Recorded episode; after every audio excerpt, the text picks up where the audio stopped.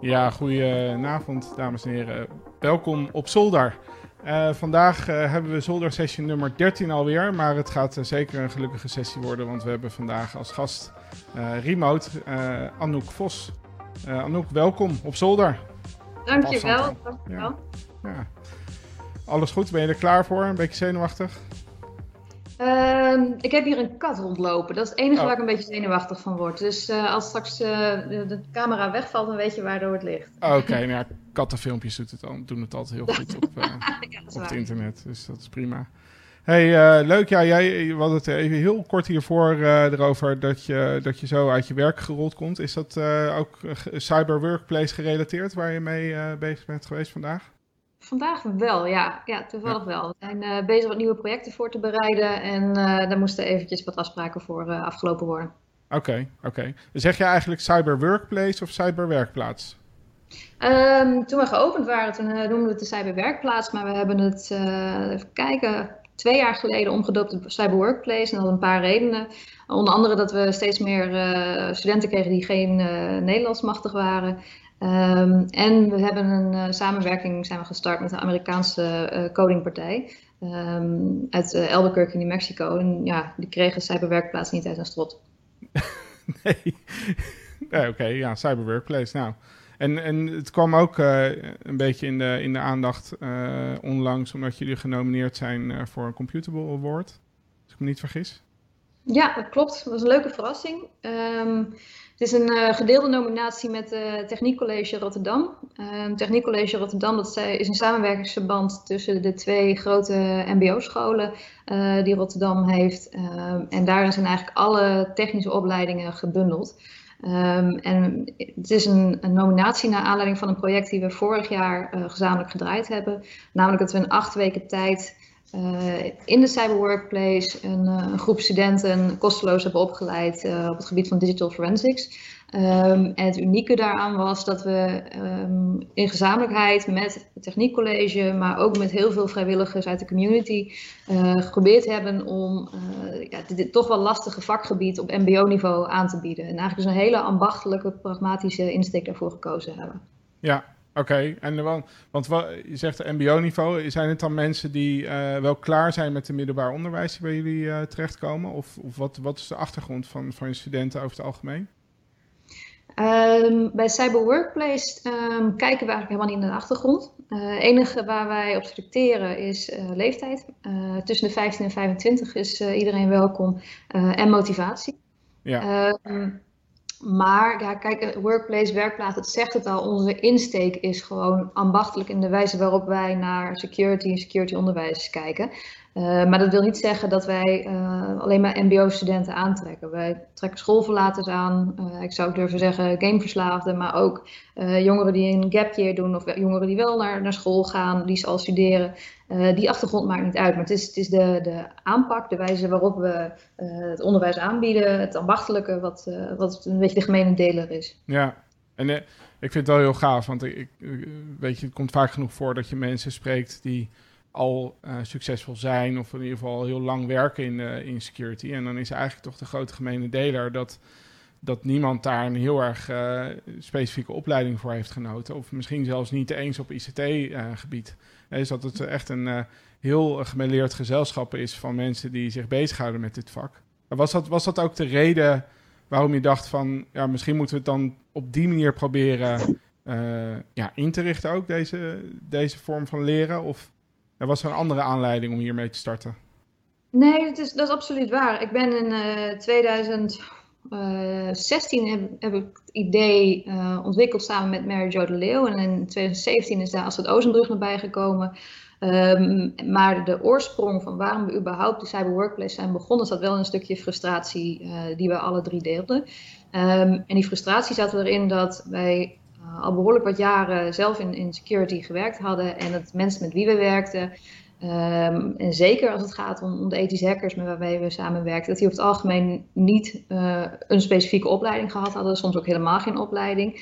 Um, tegelijkertijd, en daar zit die frustratie meer in, zagen we dat er, en dat is eigenlijk niet veranderd. Als je nu kijkt naar bijvoorbeeld een, vacature website als Indeed en je gaat zoeken op security specialist of nou ja, je noemt alle cyber buzzwords maar in, wordt er iedere keer gezocht op uh, HBO, WO denkniveau. En dat zijn gewoon compleet onrealistische vacatures die er zijn. Dus de vraag is enorm, maar die, het aanbod sluit er niet bij aan. En nou, daarbij kwam ook nog een ander stukje frustratie. En dat is gewoon uh, het onderwijs op dit moment, IT-onderwijs, dat er is. Ik bedoel, we zitten denk ik al, al tien jaar, lezen we jaarlijks de, de berichten en de rapporten van er, er, moet programmeren in het onderwijs gegeven worden. En we moeten cyber savvy of we moeten meer technisch onderlegde kinderen krijgen.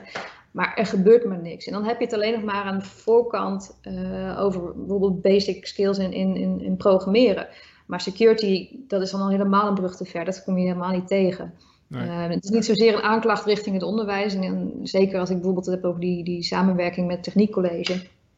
Uh, het is niet dat daar een onwil zit hoor, uh, maar het is ook gewoon een gebrek aan geld, gebrek aan capaciteiten, overvolle klassen.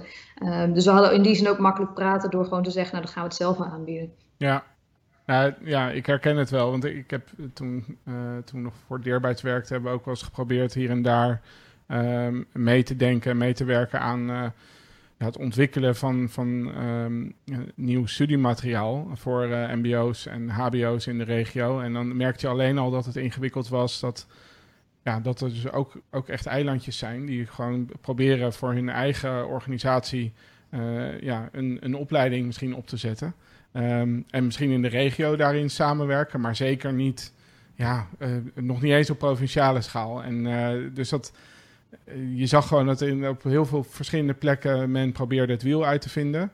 En dat ja. was ook nog een soort van race to the top, leek het wel. Van wie heeft het eerst een, een fatsoenlijke opleiding. En, en, per saldo ja, lukt het eigenlijk niemand echt heel erg goed.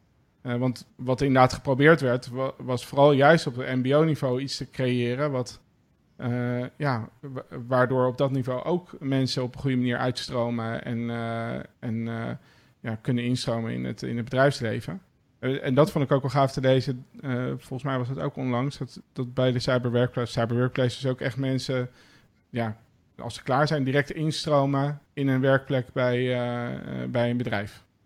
Volgens mij nou, dat is een beetje de, de, de wijze waarop we de organisatie hebben opgetuigd. Het is een, het is een stichting, het is een ambi-stichting. Um, dus uh, het is compleet non-profit en, um, afgezien van degene die de dagdagelijks management doet, uh, is iedereen onbetaald. Maar ja, we hebben wel kosten. En eh, die kosten die krijgen wij uit sponsorship van op dit moment met name bedrijven. Die natuurlijk ook interesse hebben om in contact te komen met onze jongeren. Maar we zijn heel duidelijk niet een partij die fungeert als een, een detacheerder dus uh, jongeren komen vrijwillig bij ons, uh, zijn gemotiveerd, komen heel graag in contact met bedrijven, leren van bedrijven. Uh, en als daar een match is, dan kunnen ze daar stage lopen, traineeships volgen of daar werken, maar het hoeft niet. Nee, nee. Ja, dat lijkt me een hele goede module. Maar het, het, en het werkt succesvol en de mensen zijn blij. Je bent genomineerd. dus ben je er zelf ook blij mee hoe het gaat? Lijkt me wel dan. Ja, ik ben, er, ik ben er heel blij mee, omdat we, nou, waar ik het meest blij mee ben, is er, uh, je hebt een aantal groeipijnen en een goed idee is niet voldoende om een uh, stevige stichting neer te zetten. En het is een uitdaging om met zoveel vrijwilligers te werken. Uh, maar, oh, dan ga ik een heel verschrikkelijk woord gebruiken, maar we krijgen een soort van ecosysteem. En wat ik daarmee bedoel is dat er uh, studenten die, die uitstromen, uh, dat die uh, ook weer terugkomen als docent bijvoorbeeld, of als gastdocent. Of op die manier weer nieuwe organisaties waar zij dan aan het werk zijn aan ons weten te koppelen. Of die, die dragen, bij aan het, of dragen bij aan het curriculum bijvoorbeeld. Dus het begint een beetje een soort olievlek te worden. Ja, ja nou, heel erg gaaf. ja, en ik had de indruk dat er volgens mij ook een paar mensen waren die, uh, die nu op dit moment uh, bij Cyber Workplace lopen als student en die nog wat vragen hadden. Volgens mij ja, dat klopt. ja, ja. Dus ja, ik, vra uh, vraag maar los, zou ik zeggen. Nou ja, Ikram, deze stel ik even voor jou. Ik pak even jouw bericht erbij. um, nee, de, dat was eigenlijk ook een vraag aan, aan, aan jou, maar ook aan, aan de rest van jouw team. dus ik weet niet hoeveel mensen de antwoord kunnen geven. Um, nee, jullie doen heel veel op het gebied van, uh, bij proxy, jullie doen heel veel op het gebied van pentesten. En nou, dat, dan heb je net ook eens typisch zo'n vakgebied te pakken waar niet een opleiding uh, voor is. En dus is de, de, de vraag van ja, hoe kom je erbij om dit te gaan doen en hoe word je een goede pentester? Oh, nee, ik denk dat voor ons allemaal geldt dat inderdaad de, de motivatie om er überhaupt mee te starten echt zit in gewoon het, uh, het hobbymatig bezig zijn met IT. En ja, daar op een gegeven moment, ja, vanuit verschillende invalshoeken denk ik gewoon een sprong in de diepe uh, te hebben genomen. En zelf dus al een, beetje kundig te zijn geworden met computeren. Veelal rondom gaming. Dus dat is inderdaad echt wel een, een, een factor die veel terugkomt. Dat je gewoon en dan eerlijk gezegd, dat voor ons vieren, alle vier geldt dat we, dat we niet zozeer zijn opgegroeid met console games, maar vooral gamen op, op PC en alles daaromtrent. dus ja, weet je, de ICT die je dan nodig hebt om dat goed te doen en die je ook steeds beter wil maken om goed te kunnen gamen en weinig lek en FPS hoog en dat soort dingen allemaal. dat, dat dwingt je ertoe om ook langzamerhand een beetje een tweaker te worden op, op computerniveau en op netwerkniveau. En nou, ik zeg tweaker, nou, dan kom je dus ook automatisch op plekken zoals tweakers.net uit. En dan kom je in aanraking, denk ik, met, het, ja, met de hele community sfeer die er rondom IT heerst. Uh, en dan ben je dus nog niet zozeer in aanraking gekomen met security per se. Alleen ja, dat, dat, dan is het, het vanuit de community werking is het stapje wel relatief klein. Want dan kom je wel snel in aanraking met mensen die inderdaad echt begaan zijn met, met IT, goede IT en dus ook security. En specifieke het pentest, dat geldt voor mij persoonlijk dan niet zozeer. Want ik heb, een, ja, ik heb daarna een andere ontwikkeling doorgemaakt. Die meer ging eigenlijk over ehm, preventieve beveiliging. En, uh, en ja, inrichten van security architecturen en dergelijke. Um, maar voor Rick en Wesley bijvoorbeeld geldt dat zij ja, echt het pentest uh, zijn gaan doen. Omdat ze gewoon gaandeweg erachter kwamen dat dat dus een vak was. Waarin je steeds beter kon worden. En dat ze daarin ja, beter zijn geworden door vooral heel erg veel te oefenen. dus uh, er zijn voldoende online challenges, uh, die, uh, zoals bijvoorbeeld Hack the Box is een, is een bekende. Wesley noemde ook nog Vulnhub, wat eigenlijk allemaal online beschikbaar is als soort van leermateriaal om ja, steeds wat, wat meer te oefenen. En, um, en uiteindelijk hebben zij vanuit, vanuit ja, de werkgever de kans gekregen om een OSP-certificering eh, te halen. maar toen waren ze eigenlijk al een jaar of vijf, denk ik, bezig als pentester. En Hoe is dat is gaan dan? Hè? Want dat is, dat, tenminste, dat hoor ik wel van onze studenten. Um, um, bijvoorbeeld degene die wel een, een opleiding uh, gaan, is wij krijgen nooit een gastdocent op bezoek. Bijvoorbeeld, hè? Daar, daarom komen ze ook bij ons. En, maar als er een gastdocent uh, is en die komt bijvoorbeeld uit het bedrijfsleven, dan pas hoor je eigenlijk voor het eerst wat je kunt doen met je skills. Ja. Uh, daarin waren jullie natuurlijk, uh, jullie zijn dan iets ouder dan, dan onze studenten. Maar hoe is dat voor, voor jullie gegaan om dat setje te krijgen? Dus daar waar je mee bezig bent, dat je opeens je realiseert dat het ook werk is. Of kan ja. zijn. Ja, heel, heel stapsgewijs eigenlijk. Ik, tenminste, ja, voor, bij, voor mij persoonlijk, ik, ja, ik ben echt zeg maar vanuit de helpdesk langzamerhand de, de consultancy ingerold. En ja, dat geldt denk ik voor, voor de meesten wel. Is dat je eigenlijk een functie in eerste instantie hebt die ja, meer in rondom beheer zich centreert. En dat dat je, je, je dagtaak is. Dus binnen een organisatie een helpdesk-achtige functie of een beheerachtige functie uitvoeren met een, uh, ja, met een, zeg je dat, een, een um, ja, soort van specialisme op het gebied van security, maar daar hoeft het nog niet eens per se de hele dag dan om te gaan, want er is meestal op zich ook voldoende werk in daaromheen. en als je echt bij een securitybedrijf uitkomt, dan kan het ook heel goed zijn dat je in eerste instantie met ja, het, het wat simpelere supportwerk start om een beetje begaan te raken met alle typische problemen waar klanten tegenaan lopen. En, en hoe, hoe we ze daarbij willen helpen als, uh, als, uh, als dienstverlener. En dan langzamerhand groei je er gewoon in om een keer mee te lopen met iemand die een, die een trucje uitvoert als een dienst. Uh, zodat je ook kan zien hoe gaat het in de praktijk. En dan ga je gaandeweg dat, dat ook doen. Um, kijk, het is denk ik voor, voor bijna niemand weggelegd om ergens een, een theoretische opleiding te hebben gevolgd met hoeveel praktijkervaring je daarin, daarbinnen ook opdoet. om daarna gelijk in het diepe fulltime uh, ja, buiten de deur um, pentest-achtige opdrachten te doen. je hebt echt nog wel uh, ja, wat, ja, wat meters, wat kilometers nodig om, uh, om echt het in de vingers te hebben en, ja, en fulltime met dat soort dingen bezig te kunnen zijn. En het is ook zo dat dat, dat is ook niet het eindpunt. Hè? Dus ook als pentester ga je op een gegeven moment ja, waarschijnlijk bij jezelf te raden. En denk, oké, nou, nu, dit trucje ken ik nu ook alweer. En dan ga je weer verder groeien. Dus als je bijvoorbeeld nu naar, naar Rick en Wesley kijkt, die kunnen hartstikke goed pentesten. Maar die hebben vanuit die uh, basis, dan even zo gezegd, zijn zij meer richting security research gegaan. Dus mm. proberen uit te zoeken van, oké, hoe gedragen bijvoorbeeld cybercriminelen zich online? En ja, wat voor karakteristieken kan ik daar uithalen? zodat een organisatie zich daartegen kan beschermen. Of zodat ze überhaupt weten dat, uh, wat er gaande is. En ja. Uh, ja, dan, dan kom je weer, weer op andere terreinen. En dan word je, je wordt eigenlijk steeds completer, denk ik, door je, door je carrière heen als security uh, specialist. Dus het gaat echt stapsgewijs. Hebben jullie mentoren gehad? Of moest je het echt het wiel zelf uitvinden? Nee, wij, nee ik denk dat, voor, dat het, nou, ja, mentoren meer als uh, soort van rolmodellen of zo. Hè? Dus uh, hm. Uh, er zijn natuurlijk wel mensen die als voorbeeld dan uh, ziet en gebruikt. Uh, maar dat is met name, speelt dat zich af online. Hè? Dus dan zie je presentaties van, van mensen die een vette onderzoek hebben gedaan. En denk oké, weet je, dat is gaaf. Maar en ja, er is wat dat betreft voldoende materiaal om dan ja, erachter te komen hoe doen ze dat dan? Of hebben ze het aangepakt? Hè? Meestal bijvoorbeeld um, een heel bekend onderzoek is uh, twee gasten die, uh, die een Jeep hebben gehackt en gekeken hebben hoe, hoe kan je nou zo'n het, het computersysteem wat binnen in die auto zit, hoe kan je daarop inbreken? En uh, ja, bij zo'n onderzoek komt op een gegeven moment als een publicatie online, maar het wordt heel uitvoerig beschreven van hoe hebben we het aangepakt.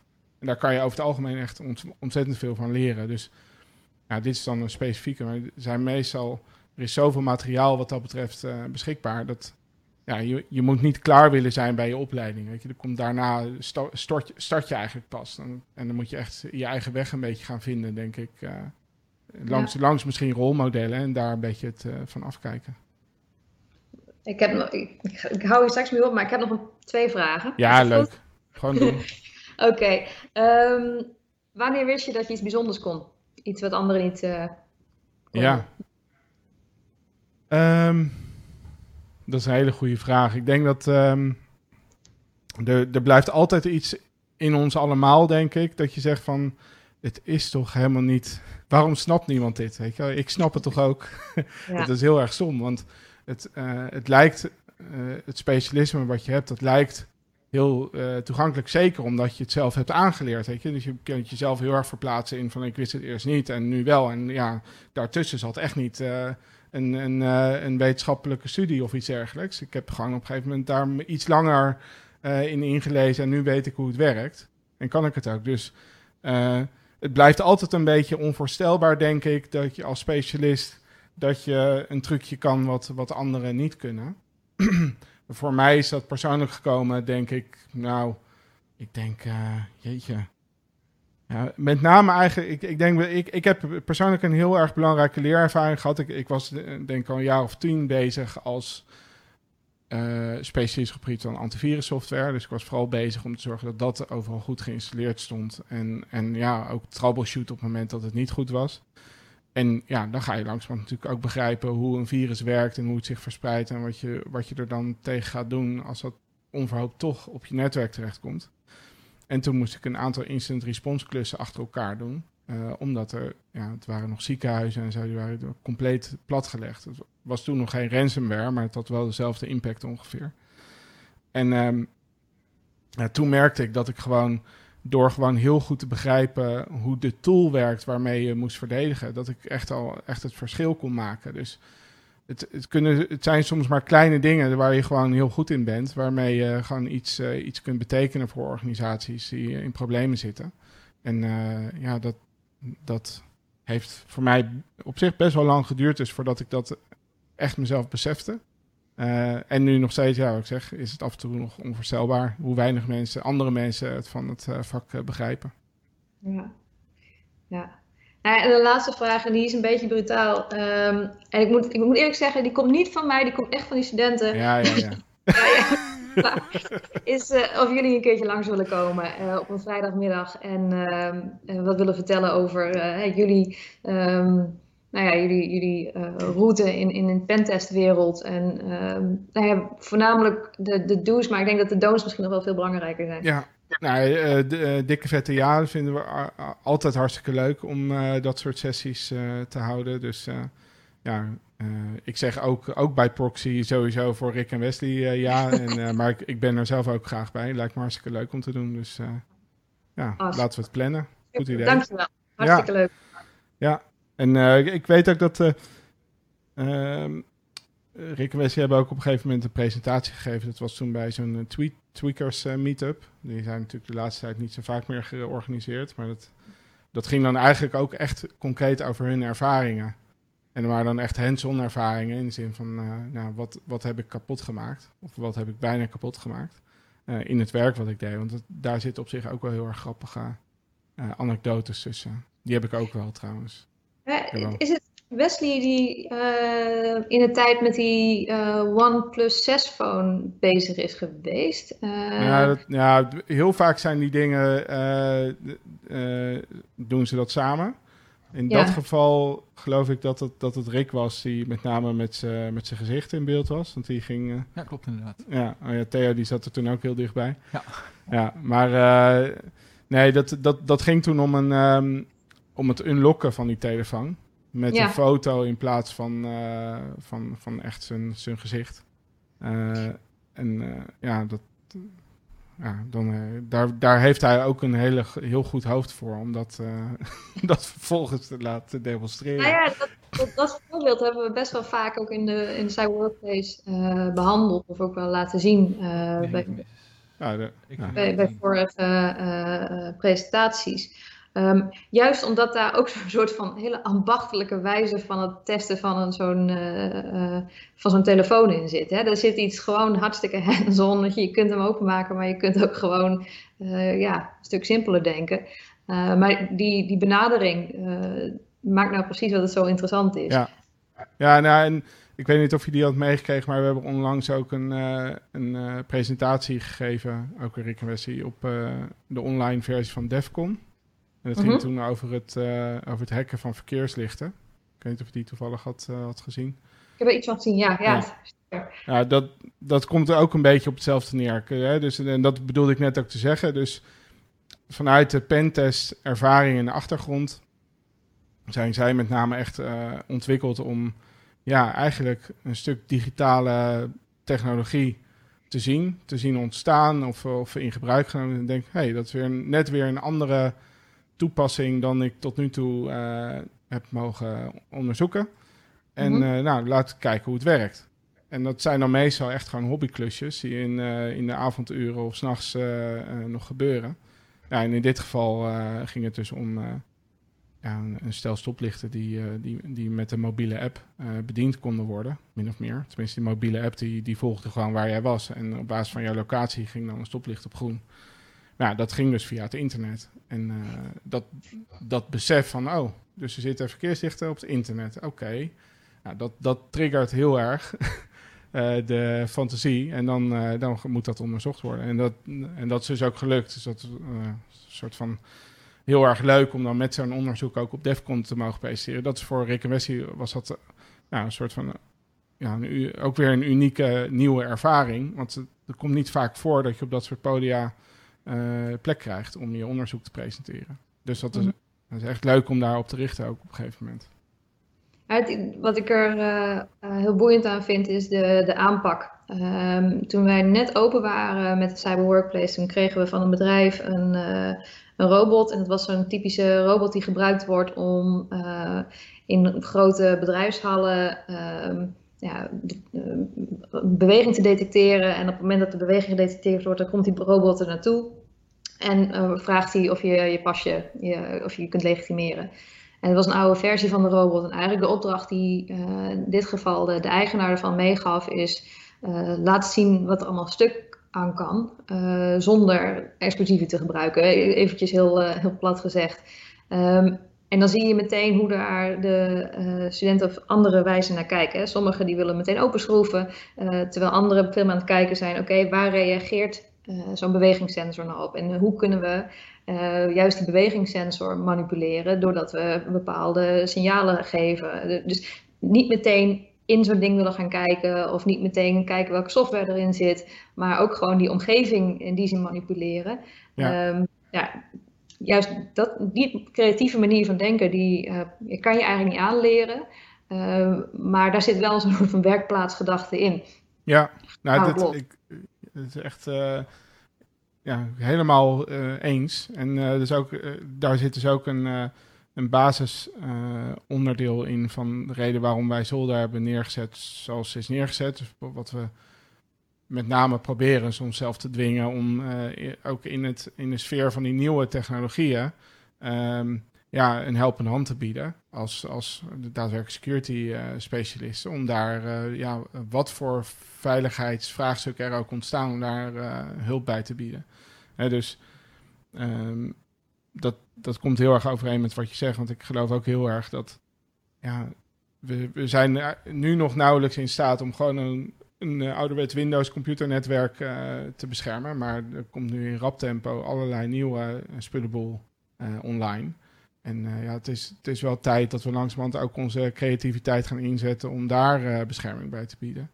Ja. want ja, zo, je merkt dus ook dat op het moment dat je dat niet doet, dat dingen gewoon ja, zoals het 20 jaar geleden met Windows 98 ongeveer ging, dat dingen gewoon zonder enige security maatregelen gewoon maar ja, gewoon worden neergezet of uitgerold of in, in de praktijk worden gebracht.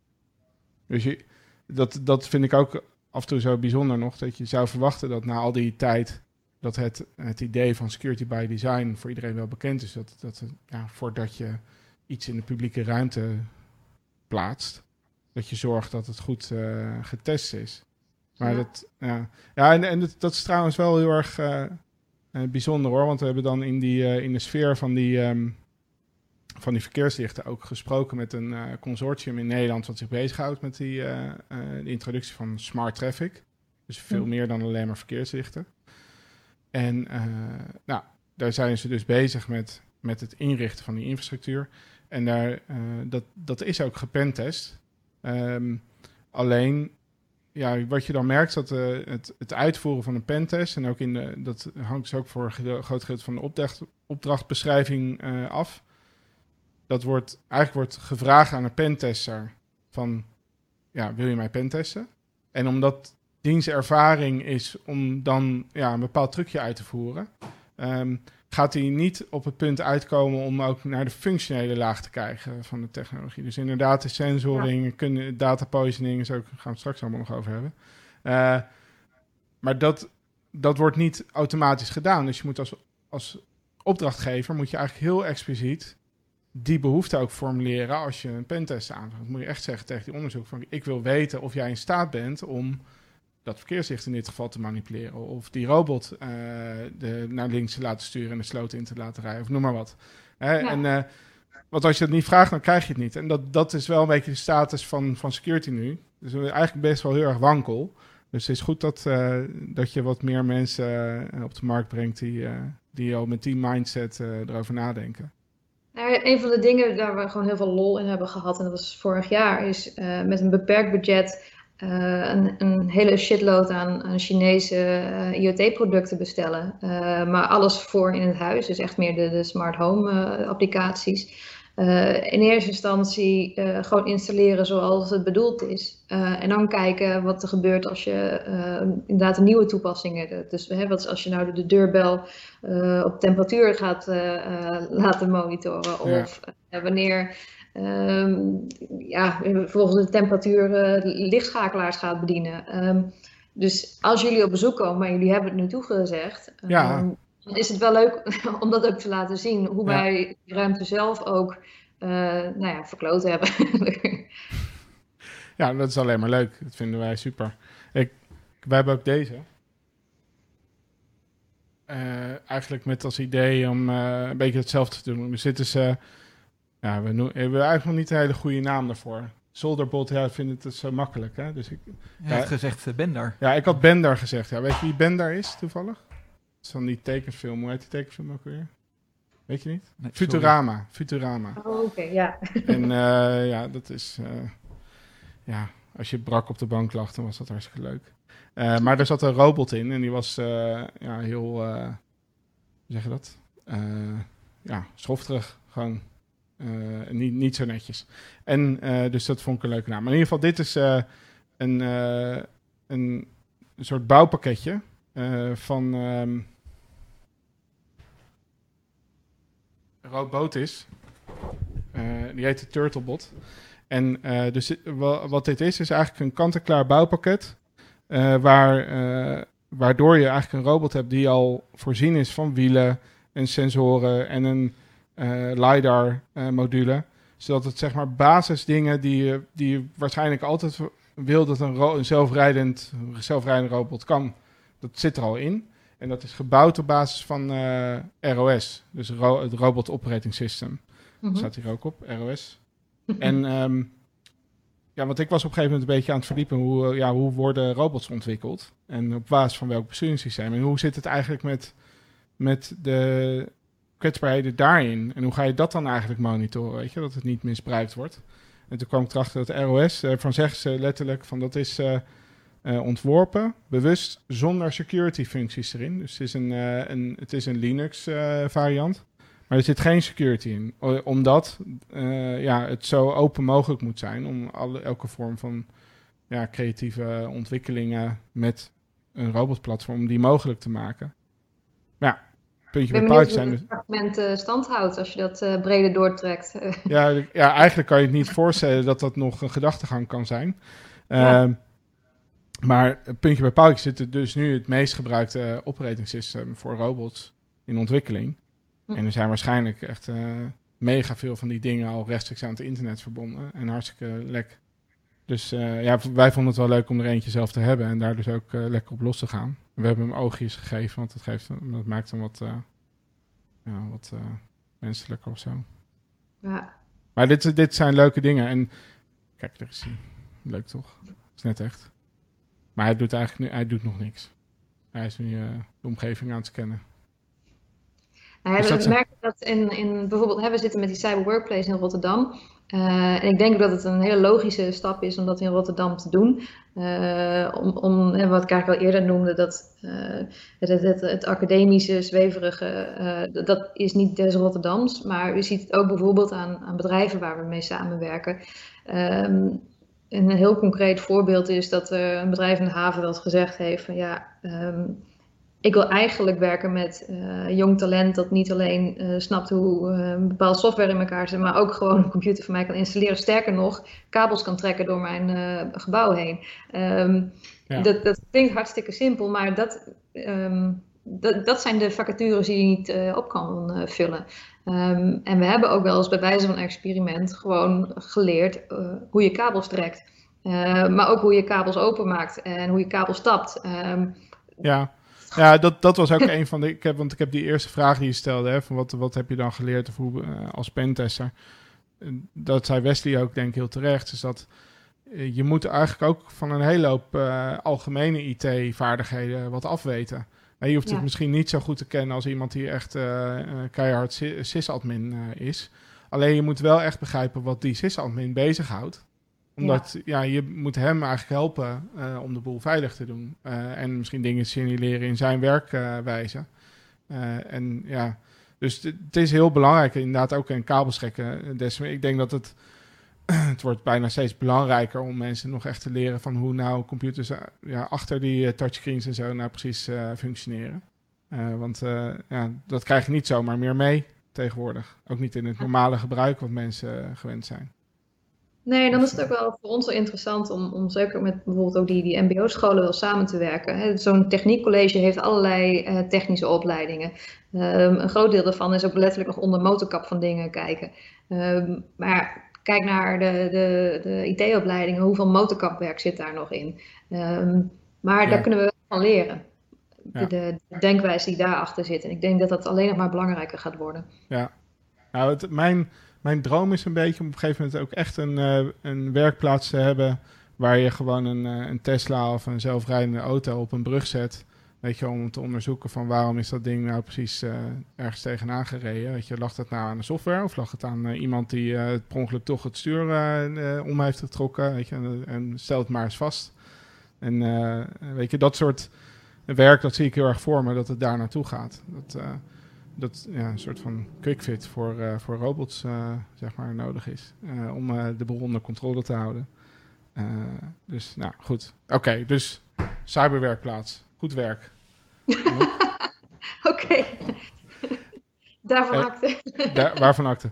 Hey, en um, ja, een ander dingetje wa waardoor ik eigenlijk in eerste instantie bij je uitkwam. Want wij, ja, wij kennen elkaar een heel klein beetje, omdat, we, omdat je in het verleden wel eens bij ons langs bent geweest met uh, Pieter Kobelens toen nog.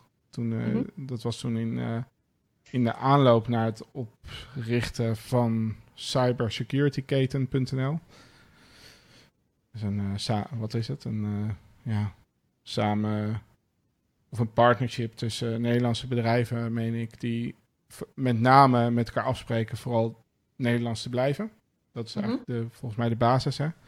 Mhm. en uh, wij spraken elkaar toen uh, om te kijken of het deerbaarheid daar misschien ook een onderdeel van zou kunnen worden. Maar dat speelde zich net af in de periode dat wij bezig waren met KPN.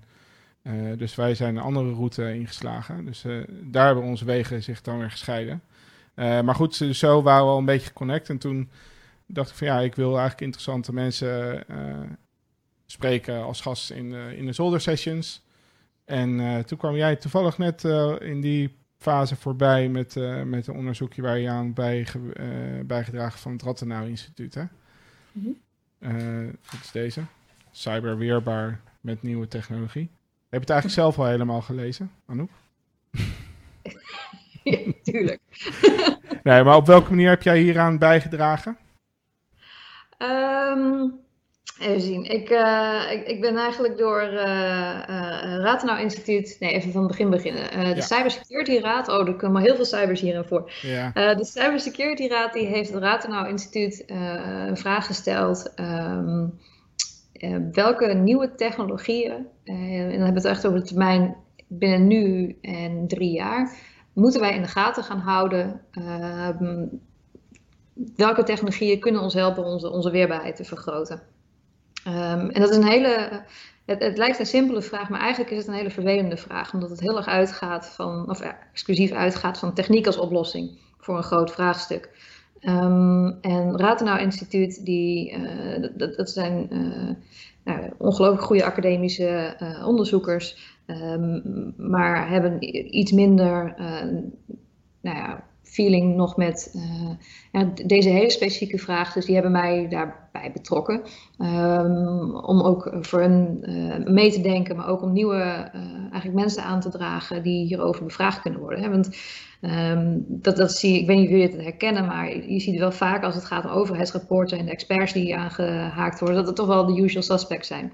Ja. Um, dus in dit geval is er ook specifiek laten we zeggen, niet de drie bekende bedrijven die altijd bevraagd worden, maar um, wat vindt, uh, vinden MKB-partijen ervan? Wat vinden academici ervan? Uh, wat vinden mensen uit de community ervan? Um, ja, en, en, dat bij elkaar te brengen. Dus eigenlijk het ophalen van, van uh, informatie over die vraag. Um, maar dan nog hou je die uitdaging van ja, hoe ga je het beantwoorden als je moet beantwoorden met welke technologieën draait het om? Ja.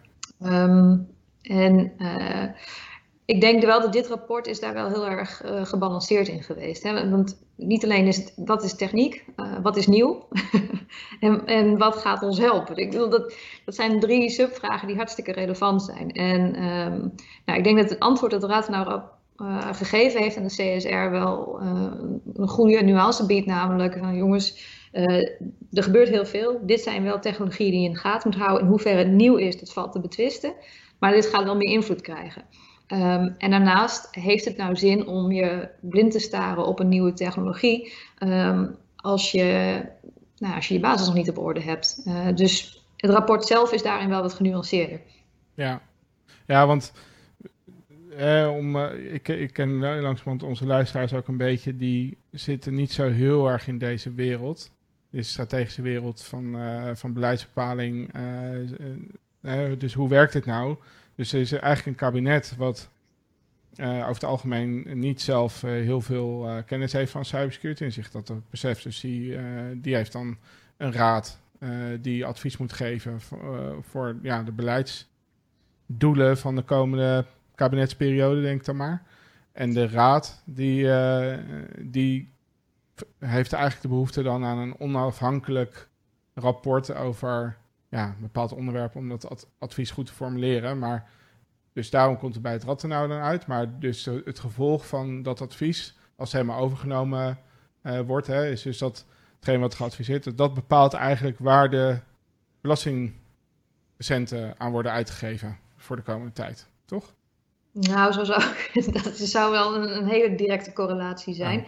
Uh, die Cybersecurity Raad die, uh, zelf, die, um, uh, die bestaat uit afgevaardigden van publieke sector, dus hoofd, politie, volgens mij IVD, um, ehm, OM zit erin, um, een aantal CEO's en een aantal wetenschappers. Dus dat, dat is, het is niet een, een overheids uh, orgaan. Het is, een, het is echt zo gepositioneerd dat iedereen daarin zit. Ja. Um, zij hebben wel een sturende rol. Ze adviseren wel het kabinet van um, als het gaat om, nou ja, toch wel de, waar, waar gaat de prioriteiten liggen. Uh, daar zit natuurlijk ook een financiële vraag achter.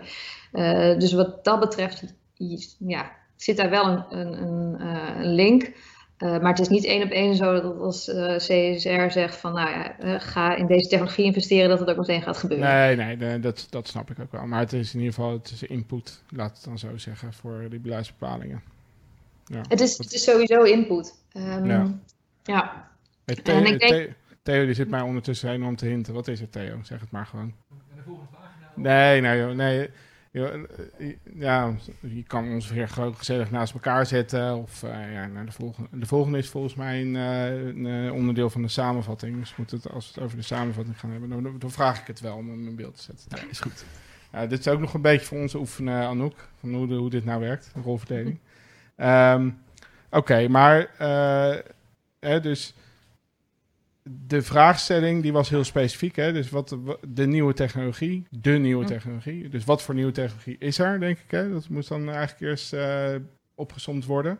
En dan in welke mate kan of gaat hij ons cyberweerbaarder maken als maatschappij? Dat is in, in essentie de, de vraag. Ja. ja. ja. Oké.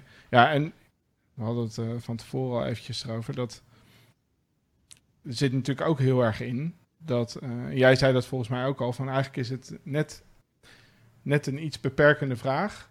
Uh, want je wil eigenlijk in de context van die nieuwe technologie ook eigenlijk andersom kijken naar van, doordat die nieuwe technologie uh, over ons afkomt, wat, wat voor nieuwe bedreigingen levert dat eigenlijk op? Of ja, wat voor nieuwe ja. kwetsbaarheden? Ja, en dan moet je ook nog eens een keer een, een soort dans eromheen doen, dat je niet in, in die clichés terechtkomt van uh, de wereld wordt steeds digitaler, dat biedt uh, kansen, maar ook bedreigingen. Ik bedoel, die rapporten die kennen we. Ja. Uh, dus dat is een, dat is een, een lastige. Um, ik denk dat, um, nou, als je kijkt naar de mensen die hiervoor bevraagd zijn, dat is best wel een, breed uh, palet. Uh, die hebben ook allemaal aangegeven van jongens, het is een stuk koffiedik kijken, maar dit zijn wel trends die wij, die wij zien. maar dan nog, technologie is natuurlijk nooit de oplossing alleen. Um, en ook dat is een dooddoener, maar dat kan je wat dat betreft ook niet vaak genoeg zeggen. Um, ik denk wat ik zelf belangrijk vind aan, aan dit rapport is dat er ook wel een, een kritische noot um, in zit. Dat um, ja, je, kunt, je kunt je blind staren op iets nieuws, een nieuw toeltje of iets waar je helemaal enthousiast van wordt. Uh, maar, en dan quote ik even Schneier. Um, als je kijkt naar de meest succesvolle uh, aanvallen waar we de afgelopen tien jaar mee te maken hebben gehad, die hebben eigenlijk altijd twee oorzaken gehad. Uh, ofwel uh, beroerde patching, ofwel um, gewoon hele slechte authenticatieprotocollen. Um, zolang dat nog is wat een aanval um, ja, effectief maakt, wat doet een nieuwe technologie dan? Ja. Dus die, die basis op orde. En dat staat hier wel heel sterk in. Ik denk een ander element dat ik wel belangrijk vind is ook wel een oproep aan het, uh, eigenlijk aan Nederland om ehm, ook wel meer lef te tonen. Ehm, en wat bedoel ik daarmee? Er wordt ook even een vergelijking gemaakt met bijvoorbeeld het uh, Amerikaanse militaire uh, DARPA. dus dat, um, dat, dat, DARPA is dan typisch een organisatie die een hele grote ambitie neerzet en aan het bedrijfsleven uitdaagt om die ambitie te vervullen. En nou ja, dat, dat, zoiets hebben we eigenlijk niet in Nederland. Nee. dus Um, we kunnen natuurlijk heel veel praten met het bedrijfsleven en we kunnen, weten allemaal dat publiek-private samenwerking hartstikke belangrijk is. Maar um, daag ze maar eens uit en, en betaal er dan ook voor. Ja, ja want DARPA, als ik me niet vergis, is dat, uh, ik, weet, ik weet wel hoor, maar die staan eigenlijk naast Defensie, dacht ik, of binnen Defensie. Maar er zijn echt een soort van, uh, ja, wat is het? Een instituut binnen de overheid dus, in essentie, om uh, ja, nieuwe ontwikkelingen te ja, kijk, ik denk misschien is een, een, andere vergelijking die eigenlijk ook wel opgaat, is um, hè, zoiets als, wat, wat vroeger dan uh, NASA als rol had. Hè, dus er, er zijn heel veel technologische ontwikkelingen die gaande zijn, um, maar het is uiteindelijk wel een, een regering die zegt ja, maar wij willen binnen zoveel jaar een, een mens op de maan hebben. Uh, ja. Gaan doen. Dus dat, dat stukje, zo'n zo'n big audacious goal, zoals ze dat dan noemen, um, dat ontbreekt in Nederland. Dan kun je zeggen, ja, we zijn heel klein. Um, maar goed, ja, een beetje meer lef. Ja. ja, precies. Gewoon ergens pijlen op richten en dan ervoor gaan. Ja. Ja, ja en want wat, dat is niet, je zou niet TNO in die hoek uh, zozeer plaatsen dan? Of zit het er tegenaan, denk je? Um. Hoeft niet publiek, ja, uh, politiek correct. Nee hoor. Nee, maar eh, kijk, ik denk dat het, het is niet zozeer, het gaat niet om TNO zelf, maar welke, welke vraag krijgt TNO? Ja. Uh, kijk, afgezien daarvan, ik denk dat het gezond is om uh, meerdere bedrijven uh, elkaar te laten concurreren. Ik bedoel, dan kan je ook het vergelijking maken met het Amerikaanse defensieapparaat. Hè, dat je uiteindelijk zijn twee grote dienstverleners en die maken eens een keer onderling afspraken. Een beetje concurrentie zal wel goed zijn. Ja. Um, maar het gaat er meer om dat, uh, wat verlang je nou als overheid ook van, van het bedrijfsleven. En, en, we hebben geld voor innovaties en we hebben geld voor, uh, voor start-ups en, en, unicorns en weet ik het allemaal. Maar wat is het plan daarachter? Ja. Um, en, en, dat ontbreekt nog wel. Ja. ja misschien dat... Ik weet niet of je het mee eens bent, hè? nou, nou ik, ik, ja, ik weet niet. Ik... Um... Uh, het gaat denk ik dan in de basis om van uh, heb je de fiducie en inderdaad dat op die manier het, er iets gaat veranderen of verbeteren. Ik moet, ik denk dat mijn persoonlijke ervaring, die komt er mee, ik kom denk ik overeen met die van jou. Alleen mijn takeaway daarvan is van oké, weet je, ik hoef hier niet zoveel aandacht of energie in te steken. Want er wordt een hele hoop gepraat en er zijn heel veel verschillende clubs en, en partijen die um, ja, op de een of andere manier bezig zijn met de richting op het gebied van security voor Nederland. Mm -hmm. uh, en uh, ja, het gros van de tijd zijn die vooral bezig met uh, ja, hun eigen eilandje ten opzichte dat van de ander te verdedigen. of ja, te definiëren wat het eilandje dan precies is. Weet je, dus ja, ik, ik, daar ben ik een beetje in moe gestreden, zeg maar. Om daar heel erg uh, een uh, rol in te spelen. Of daar, ja, daar, daar iets van te uh, verwachten. Ik, ik heb dan veel meer het idee van volgens mij doe je, doen we als security community, dus de mensen die um, ongeveer een idee hebben, weet je wel, waar het naartoe zou moeten zichzelf een plezier door vooral ook zelf ervoor te gaan. En, uh, en ja, proberen misschien in, in, terwijl je gaat te kijken van oké, okay, wat, wat kan ik gebruiken aan hulpmiddelen die geboden worden om dat misschien te versnellen in de vorm van subsidies of wat dan ook. Mm -hmm. um, maar ik, ja, ik, ik ben het dus wel met je eens, alleen ik zie het gewoon niet zo snel gebeuren. Dat, dat we daar in Nederland uh, toe in staat zijn om zoiets te creëren. Ja, dat is mijn uh, idee. Ja, nou ja, een, een, kijk, een, een, conclusie die je niet wilt trekken, um, want dat, dat zou heel deprimerend zijn, is dat we de boot al gemist hebben.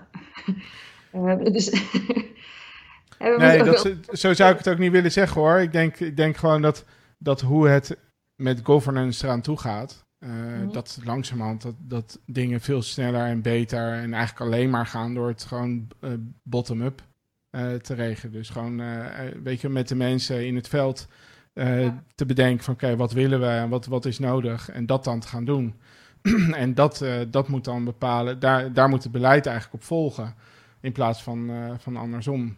de, op allerlei terreinen zie ik dat. Hè? Dus de, daar waar, waar grote organisatiestructuren heel erg proberen om een soort van lange termijn strategie te definiëren en, en iedereen daarin mee te krijgen, ja, is, valt dat vaak tegen. Zo, dat, dat, dat, je krijgt niet meer mensen daar, uh, daarmee aligned.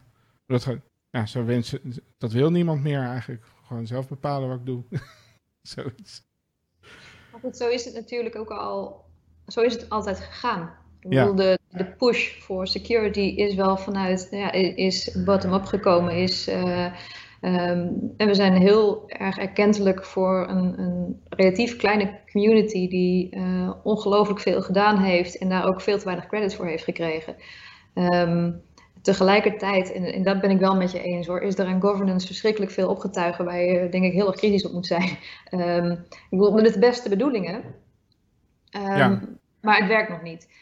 nee, nou precies. Dus, hè, dus de, de, de, probleem, de er worden problemen gesignaleerd en die zijn valide. En uh, de, op zich, de oplossingen die erbij getroffen worden, als je ze uh, in enge zin bekijkt, dan zijn die ook wel logisch. Alleen, ja, vaak wordt voor elk, elk los probleempje een nieuwe oplossing bedacht. En, en, als je dan naar het samenspel van alle oplossingen kijkt, dan is dat vaak wel een beetje ver te zoeken.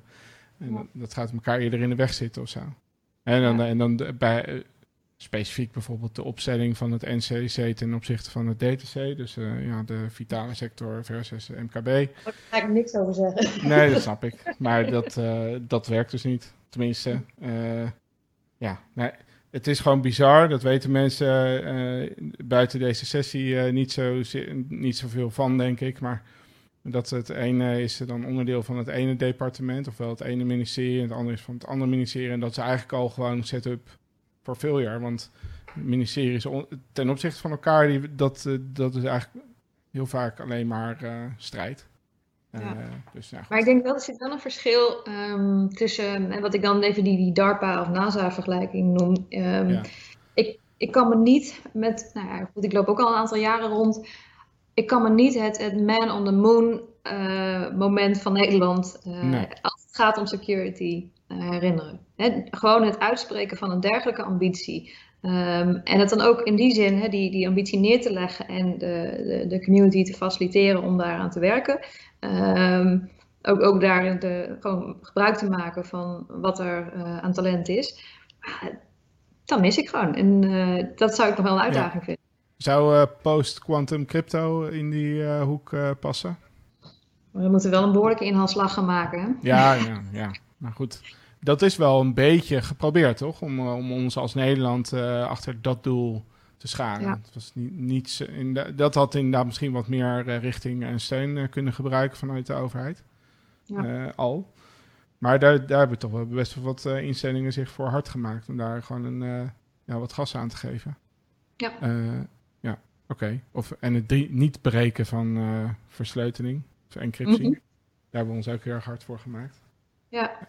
Nou kijk, wat ik interessant vind is, um, volgens mij was 2018 um, tijdens Black Hat, dat, dat uh, Jeff Moss zei eigenlijk bij de opening daarvan, jongens, als wij echt iets willen op het gebied van security, als wij het uh, security niveau van, van heel uh, de wereld omhoog willen brengen, um, dan moeten we ook uh, het feit onder ogen zien dat er misschien twintig bedrijven zijn in de wereld die echt een verschil kunnen maken. Hè. Er zijn twintig bedrijven die als zij bepaalde standaards zetten, dat eigenlijk de hele wereld meegetild wordt. Um, ik heb daar wel veel over na zitten denken. Ik denk van ja, maar goed, wat betekent dat voor uh, de, de, de individuele top-down figuur die, die hartstikke goed werk doet? Maar erger nog, wat betekent dat nou voor die overheid? Want hoe gaat die die bedrijven bewegen? dan hebben we het inderdaad over de Googles, de Apples uh, van deze wereld. Um, daar moet nog zoveel gebeuren. We lopen zo achter de feiten aan. Um, dat is een, een strategische, uh, ja, strategisch vraagstuk waar we echt het antwoord nog niet op hebben. Nee. Nee. Nou ja, oké. Hey, um, ja, dus ik, ik had in de, in de samenvatting had ik een stukje tekst uh, geomcirkeld. Ik kan Theo even in beeld brengen, dus om mensen nog even terug te nemen naar het rapport. Ik vond het namelijk op zich best wel interessant om dat gewoon eens zo te lezen. het ging inderdaad over deze. Volgens mij deze hiervoor trouwens. Zat er nog eentje voor? Ja. Ja, precies. Ja, oh ja, dit was de samenvatting dan van de directeur. Melanie Peets. Ik heb vrouw volgens mij nog nooit ontmoet. Maar goed. Um, ja, nou, dit geeft eigenlijk aan wat je net beschreven hebt. Hè? Dus wat uh, eigenlijk het doel van het rapport. Dan toch inderdaad die andere eventjes. Sorry, ik kwam uit de conclusies. Ja, dus dit vond ik uh, leuk. Dat, dat, hadden we, daar hadden we het eigenlijk net ook over. Dat uh, als je nadenkt over wat is dan de dynamiek van nieuwe technologische ontwikkelingen, dan betekent dat inderdaad dat, de dat die ontwikkelingen zelf ertoe kunnen leiden dat, dat er andere soorten cyberaanvallen worden aangevoerd. Mm, eh, dat je daar misschien ook beter tegen kunt verdedigen. Um, want dat, jij noemde inderdaad net vulnerabilities als, uh, als een van de belangrijkste redenen waarom uh, ja, hacks of data breaches, of wat voor, wat voor dingen, hoe je ze ook kan klassificeren, plaatsvinden.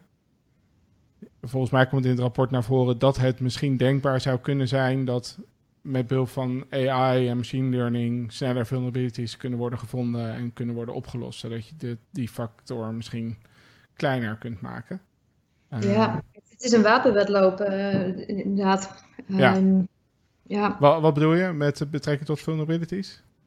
Nee, sorry, als het gaat om meer die, die machine learning, ja. als het gaat om, uh, dan is het uh, ten goede en ten kwade. Uh, wie, um, ik bedoel, volgens mij was het gisteren dat Microsoft een, een nieuwe software uh, presenteerde waarin je dan bijvoorbeeld uh, um, meteen zou kunnen zien wanneer iets een deepfake is. Um, ja. Ehm, ja.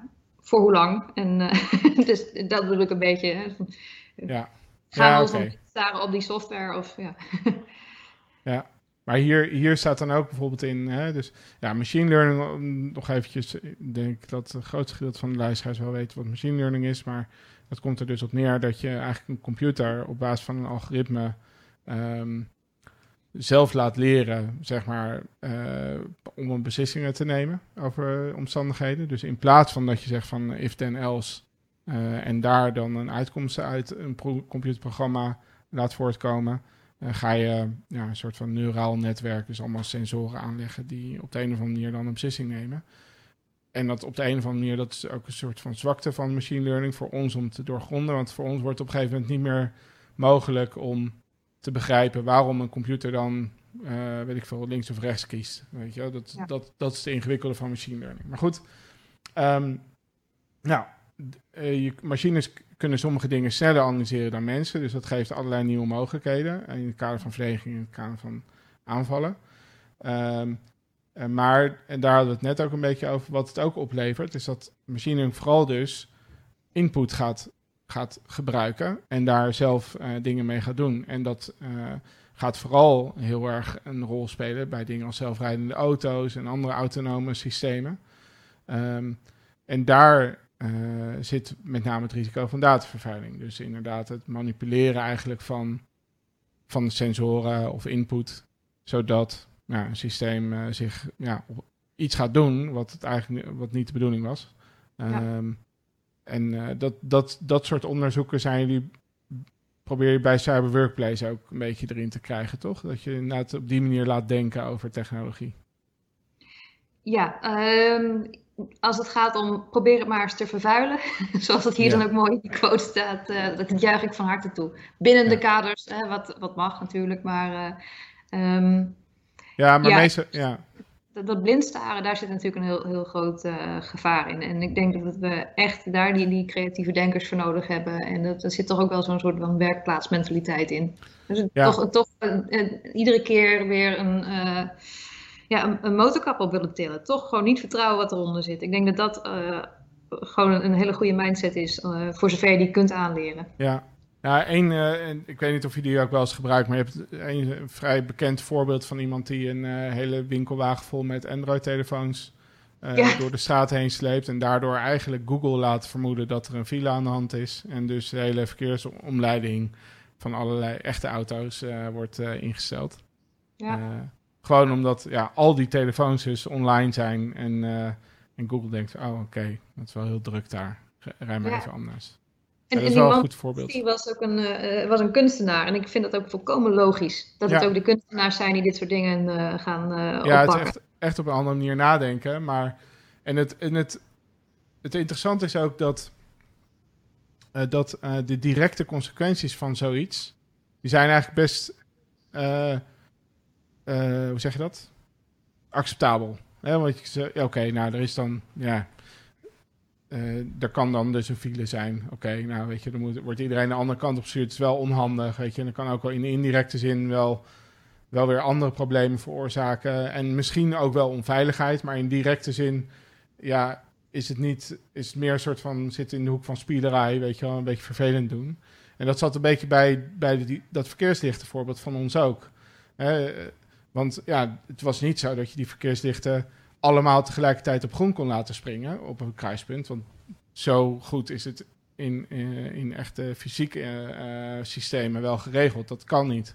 Het enige wat je kon doen is in feite op afstand op het knopje drukken dat het fietslicht eh, op groen ging. Ja. Ehm, maar ja, eh, dat kan je dus wel vanaf je zolderkamer doen. eh, in een stad en eh, alle stoplichten tegelijkertijd. En daardoor is het toch wel heel erg onhandig eh, en vervelend mee zijn. En het, het punt is dat nu zijn het nog systemen die, waar nog ook nog wel menselijke interactie eh, een rol speelt. Weet je, maar straks gaat, gaan die, diezelfde infrastructuur en diezelfde soort signalering en weet ik wat, dat gaat de basis vormen voor echte autonome systemen. Dus het is nu wel goed om op deze manier naar te kijken van oké, waar zitten de zwaktes van hoe dat precies wordt geïnstalleerd? Want misschien is er toch iets meer validatie nodig of iets meer monitoring op, ja, is het wel betrouwbaar het signaal of hoe, hoe, gaan, we, hoe gaan we het dan inrichten om dat vast te stellen? Ja, men onderschat trouwens die, die eh, eh, verkeerslichten niet. En een aantal jaren geleden heb ik voor een opdrachtgever ehm, meegewerkt aan, aan wat eh, de schade zou zijn als je in Nederland bij bepaalde eh, laten we zeggen, verkeersknooppunten, hele cruciale verkeersknooppunten, als je alle kruisborden tegelijkertijd aan zou zetten. Ja. Ehm, en dat, inmiddels is die beveiliging wel beter dan toen. Maar uh, dan is het heel interessant om te zien dat als je een, een bepaalde ringweg of een, een cruciaal kruispunt uh, platlegt, hoe groot die economische schade binnen een uur is, binnen een, aantal uur, binnen een dag is. Uh, dan is het al heel snel geen spielerij meer. Nee, nee dat klopt. Dus het, ja, nee, daar ben ik het ook helemaal mee eens hoor. En ik, ik ken ook bijvoorbeeld een, een, een ander aspect gaat er meer over uh, over het voorkomen van uh, road rage, weet je wel. Dus als, als je de hele tijd iedereen uh, onnodig rood geeft, ja. weet je wel, dat je meer, weet je, dat de hele weg vrij is en, en je, je, moet toch stoppen voor rood, want anders word je ook nog geflitst, weet je wel. ja, daar krijg je wel echt agressieve mensen van en die zijn niet heel erg veilig in het verkeer over het algemeen. Dus het heeft echt wel consequenties. Alleen, ik denk dat, dat nu heb je nog met relatief overzichtelijke problemen te maken. Waar, waarmee je toch kunt nadenken: oké, okay, ja, maar hoe gaan we het dan organiseren hè, in, in de manier waarop zoiets wordt gebouwd, om dat veiliger te houden? Bijvoorbeeld bij die, wij, wij liepen er tegenaan bij verkeerslichten, heb je met ja, iets van vijf mensen, vijf verschillende partijen te maken, waardoor uiteindelijk een verkeerslicht dus reageert op een app. Namelijk ja. de, degene die de app levert. Het, uh, nou ja, goed, de app werkt dan via het internet, maar ergens is er een koppeling naar, uh, naar de infrastructuur, de leverancier van de infrastructuur, degene die de verkeerslicht heeft geplaatst en de beheerder van het kruispunt, uh, wat dat betreft, en de wegbeheerder, en verantwoordelijke voor, voor het fysieke kruispunt. Ja. En, um, Waar ging de data naartoe? Heb je dat ook nog kunnen. ja, ja dat, dat was ook maar. Het wordt vooral heel ingewikkeld van: oké, okay, als we nou zeggen van oké, okay, maar dit, uh, dit levert dus een bepaalde onveilige, oncontroleer, ongecontroleerde uh, situatie op. Dat, dat moet beter. Dan is, dan is het dus al heel erg ingewikkeld om na te denken met wie, gaat er, wie moet er dan gaan monitoren precies hierop, weet je wel? Is op, op uh, misbruik. Dus is degene, is degene die de app biedt, degene die moet uh, vaststellen dat er iemand aan het manipuleren is? Of, of moet degene aan het eind van de keten doen die besluit op basis van het signaal de boel op groen moet? Weet je wel? En, en hoe, hoe gaan we dat dan uh, afspreken en verdelen, die, uh, die taakverdeling? En, ja. Hoe lang blijft de zorgplicht op het moment dat jij zo'n stoplicht geleverd hebt? Ja, nou ja, is nou, ja dat heb je ook nog eens inderdaad. Dus ja, dit, dit zijn wel aspecten die zitten niet zozeer hard in, het, in, het technische, in de technische problematiek van een security uh, probleem. Maar ook juist in het organisatorische en, en, uh, en, uh, ja, en ook functionele. ja, waar, waar echt nog wel wat meer aandacht voor, voor moet komen. Dus oké, dus data poisoning. Belangrijk mensen. Theo? ja.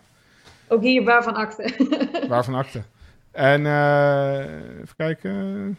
Ja, nee, dat was het wel, denk ik, over het uh, Rattenau Instituut rapport. Nou, het is wel, ik vond het wel leuk. Ik heb het ook niet helemaal gelezen hoor, maar ik heb wel uh, eventjes... Oh, oh, oh, je zegt ook niet. Ik, ik heb het wel helemaal gelezen. Oh jeetje, echt waar? oh. Ja. Sorry, verkeerde conclusie getrokken.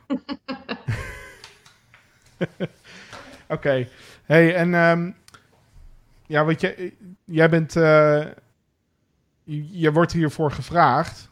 Um, niet, niet zozeer vanuit jouw uh, positie voor de cyber workplace, maar meer vanuit, denk ik, vanuit RefNext of meer echt als een individu?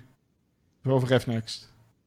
Uh, ja, nee, goed. Um, cyber workplace is mijn vrijwilligerswerk en dit is mijn betaalde werk. Ja. Uh, en dat gaat dan meestal via RefNext, ja. Ja, en uh, RefNext, daar ben je ook oprichter van, hè? of een van de oprichters? Ja, ja. ik ben een van de oprichters, ja. En, en is dat jouw startpunt in security? Of was je daarvoor al uh, op de een of andere manier. Oh, jeetje, ja. nou, dan wordt het een beetje oma verteld. Maar uh, um, nee, ik, ik, werk nu al 13 jaar in, in security. Maar uh, mijn startpunt is. Um, nee, ik, ik, wilde vroeger diplomaat worden. Daar was ik echt van overtuigd. Um, en ik ben ook internationale betrekkingen gaan studeren. En mijn eerste uh, ja, stage na mijn eerste baan was bij het ministerie van Buitenlandse Zaken. Uh, ook als, als diplomaat in opleiding. En ik kwam terecht bij de uh, directie veiligheidsbeleid. En omdat ik vrij jong was en er ook zelf mijn hand voor op heb gestoken, kwam ik terecht bij de, ja, meer de kant voor de nieuwe veiligheidsdreigingen. Nou, wat was dat toen? Dan hebben we het over 2007, 2008. Uh, het ging dan om energy security, dus uh, het beveiligen van uh, pijpleidingen was toen heel belangrijk. en, en cybersecurity. Um, maar dat stond nog helemaal in de kinderschoenen. En um, ik weet niet of jullie het nog kunnen herinneren, in 2007 had je natuurlijk dat behoorlijke akkefietje tussen Estland en, en Rusland, waarbij de Esten een standbeeld uit het centrum van de hoofdstad hadden weggehaald van een Russische verzetstrijder. Uh, met het gevolg dat uh, Estland toch nou, drie à vier dagen volledig plat werd gelegd. Voornamelijk met DDoS-aanvallen. Um, maar Estland, eh, in die tijd schreven ze hun, naam van het land ook. De E was een, apenstaartje. En ze waren er hartstikke trots op dat het land zo verschrikkelijk connected was.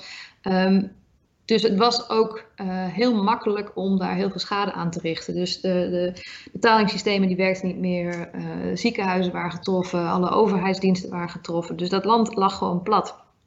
En in diezelfde periode, uh, wat Estland deed, is, Estland is een NAVO-lid. En ik weet niet of u een beetje bekend zijn met het NAVO-verdrag, maar ehm, artikel 5 van het NAVO-verdrag zegt eigenlijk heel simpel, één voor alle, alle voor één.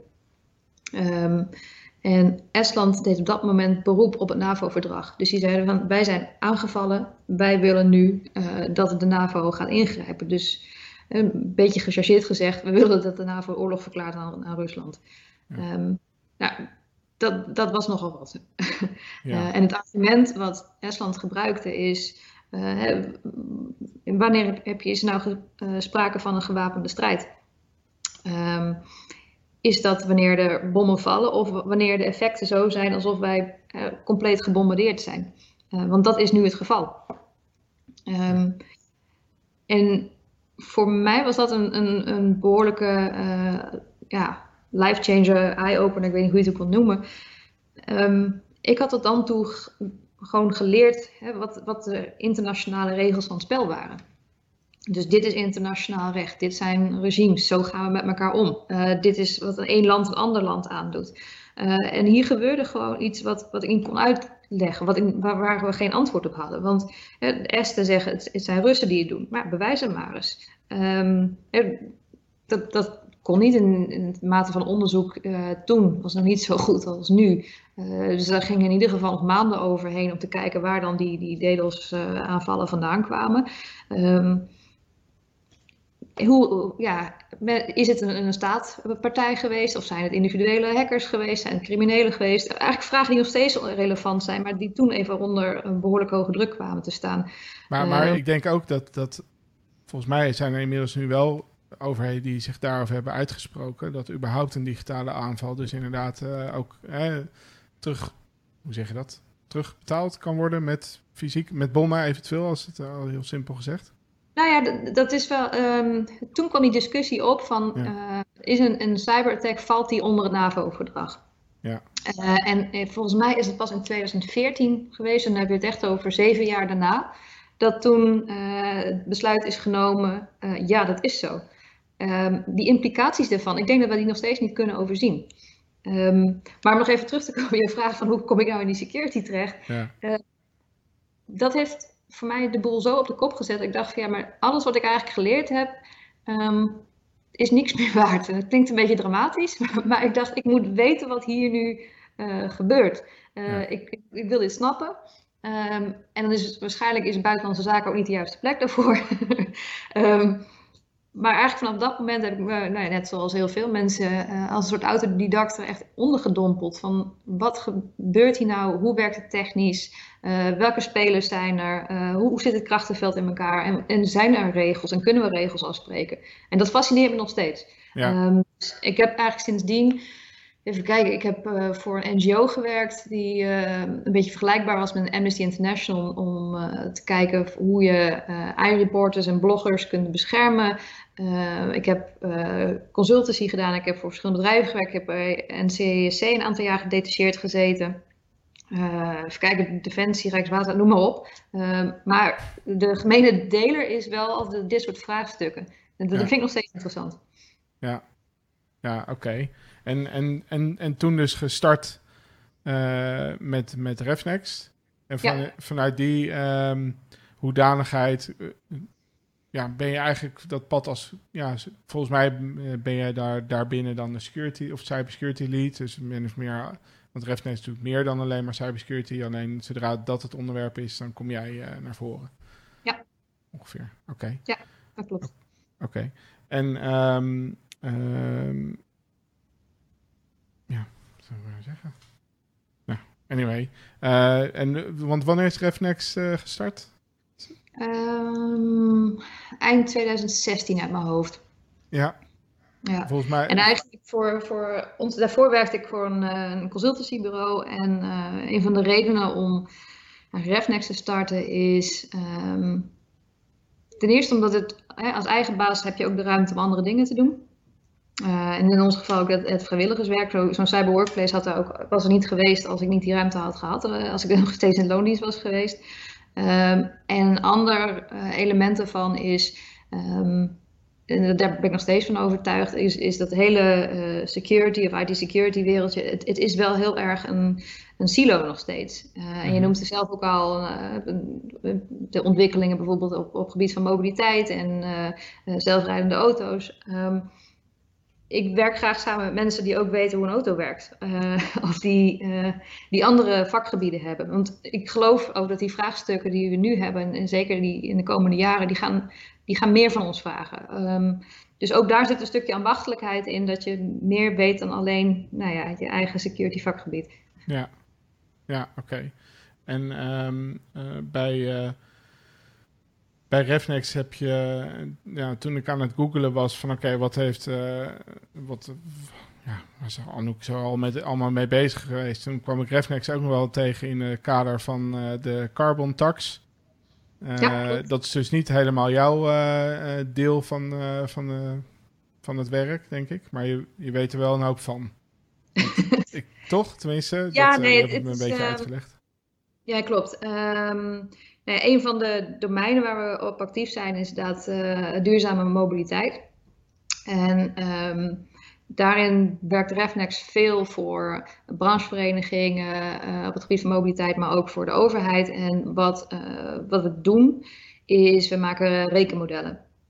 Um, en nou zit ik niet inhoudelijk er helemaal in, dus ik, ik, ga het niet helemaal afpellen, maar wat het ongeveer inhoudt is dat een partij bij ons komt, en dit bijvoorbeeld een, een, een ministerie, en die zegt van kunnen jullie een rekenmodel bouwen wat ongeveer aangeeft wat de in- en verkoop van elektrische auto's gaat doen? Uh, en daarvoor leveren zij allerlei parameters aan en vragen ze ons ook om onderzoek te doen. Dus dan heb je het over dingen als wat doet de batterijprijs uh, bijvoorbeeld hè, voor, van auto's. Of uh, hoe ziet de economische groei eruit? hoeveel auto's zijn er op dit moment in Nederland? Wat is de verwachting over hoeveel jaren daar mensen van auto gaan wisselen?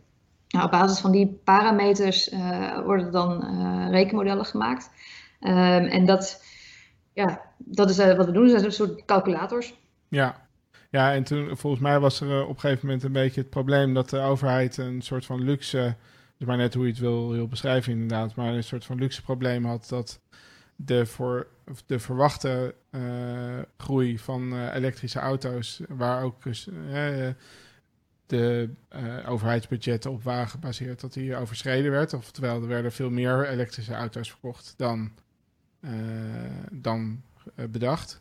En ja. die op zich de, de aanname, de verwachting, zoals men die berekend had, dat was wel ge gedaan op basis van een rekenmodel van Refnext. Mm -hmm. Alleen, uh, dat wil niet zeggen dat, dat, dat jullie daarin een rekenfout hebben gemaakt. Neem ik uh, nee, nee. Ik bedoel, um, nou, de correspondent heeft een uitgebreide uh, reconstructie gemaakt waarin dit uh, allemaal specifiek gaat uitgelegd voordat ik fouten maak in de uitleg ervan. Ja. Um, maar er is inderdaad een hele grote controverse geweest vorig jaar. En nou, ergens snap ik het ook wel, want ja, ik zie ook heel veel Tesla's op straat. ik weet niet. Ja. ik bedoel, dat kan je niet ontkennen. Dat is gewoon. Uh, uh, en, en er komen nu natuurlijk steeds meer elektrische modellen bij. Maar er zijn gewoon. Ja, we hebben altijd ambitie gehad als Nederland. We willen meer elektrische auto's. En het is hard gegaan. Het is harder gegaan dan we gedacht hebben. Um, wat er vorig jaar in die controverse gebeurde, en dat is ook wel wat je op, uh, op Google terug kunt vinden, is dat er met name eigenlijk ge geïnstigeerd door het Kamerlid Omzicht, die heeft zich heel erg kwaad gemaakt van ja, wacht eens even, er gaat wel heel veel subsidie nu naar mensen die een elektrische auto willen. Uh, hoe kan dat? Um, alleen de fout die hij gemaakt heeft, hij heeft gezegd dat ligt aan het rekenmodel. Um, en daarbij zijn een paar journalisten erop gesprongen en die hebben zelf gezegd: ja, de, de, bouwers van het rekenmodel hebben zelfs belang bij de uitkomsten um, uh, van, van hoe die subsidie gaat. Nou, en, en dat, uh, ja, een mooie mem erbij te gebruiken, that escalated quickly. Hè. In een paar dagen tijd uh, was dat het, het verhaal. Um, gelukkig is dat inmiddels wel teruggedraaid, maar dat was even, dat was even heel pittig. Um, want het rekenmodel heeft in die zin geen rekenfouten gemaakt, maar het is een, een, een kwestie van uh, ja, garbage in, garbage out. Een aantal elementen, een aantal factoren die aangeleverd waren, bleken niet helemaal juist te zijn. En wat voor factoren waren dat? Nou, eentje daarvan is uh, de economische groei in Nederland in die periode waar het over gaat. Um, bleek groter dan voorspeld was. Dus de, de, de cijfers waarmee wij mee werkten, bleken achteraf um, nou ja, positiever te zijn. En zo waren er nog een aantal elementen. Um, daarbij uh, hadden we te maken met, ja, wij leveren cijfers aan, maar het is nog steeds een ministerie die daar een besluit op neemt of zegt van dit is het beleid dat we gaan maken, dit is de. Uh, de subsidie die we gaan toekennen. Daar hebben wij verder ook helemaal geen, uh, ja, geen zeggenschap over. En gelukkig maar. Ik bedoel, dat, dat zou ook heel gek zijn. Ja. dat het bedrijf dat doet. Ik bedoel, die verantwoordelijkheid moet ook gewoon daar blijven liggen. Ja, oké, okay, maar het is niet dat jullie voor de bus zijn gegooid, bij wijze van spreken. Maar het is eigenlijk voor iemand die gewoon iets, uh, iets te veel en er een verhaal van heeft proberen te maken, denk ik.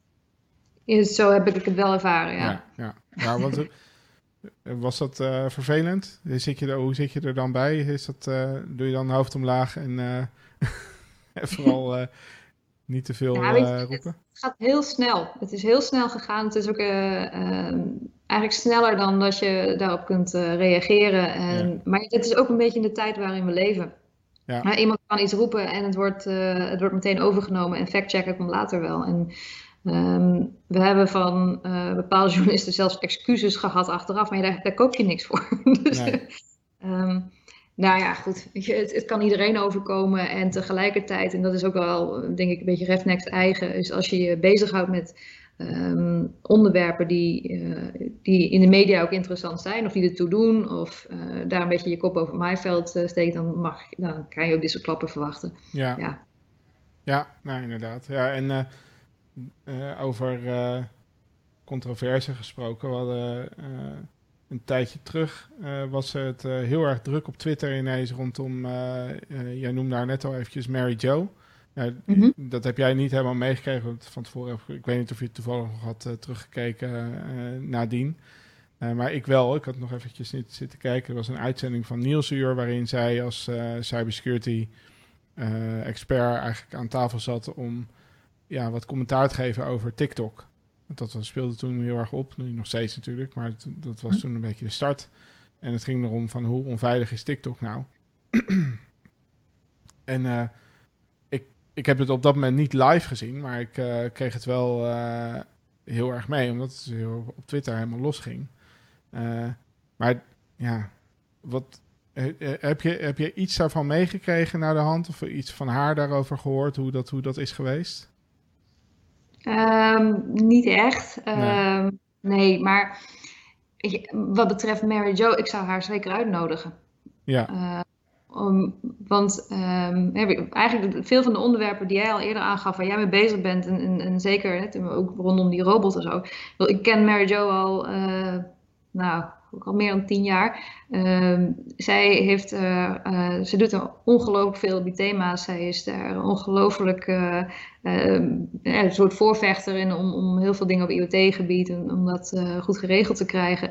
Um, en zij loopt ook niet weg voor kritiek of controverse. Dus ik zou haar gewoon zelf uitnodigen om daar reactie op te geven. Ja, nee, ja precies. Dat hebben we ook al wel besproken. Uh, om, dat, uh, om dat ook te doen. Dus ik denk dat dat gewoon een goed idee is. Ik, ik, want ik had een. Ik, ik zou eerlijk zeggen, ik had dus in eerste instantie helemaal niet zelf gezien. Hè, dus ik heb mhm. wel een hele hoop uh, rumoer erover gehoord. Ik denk, nou, ja, volgens mij valt het wel mee.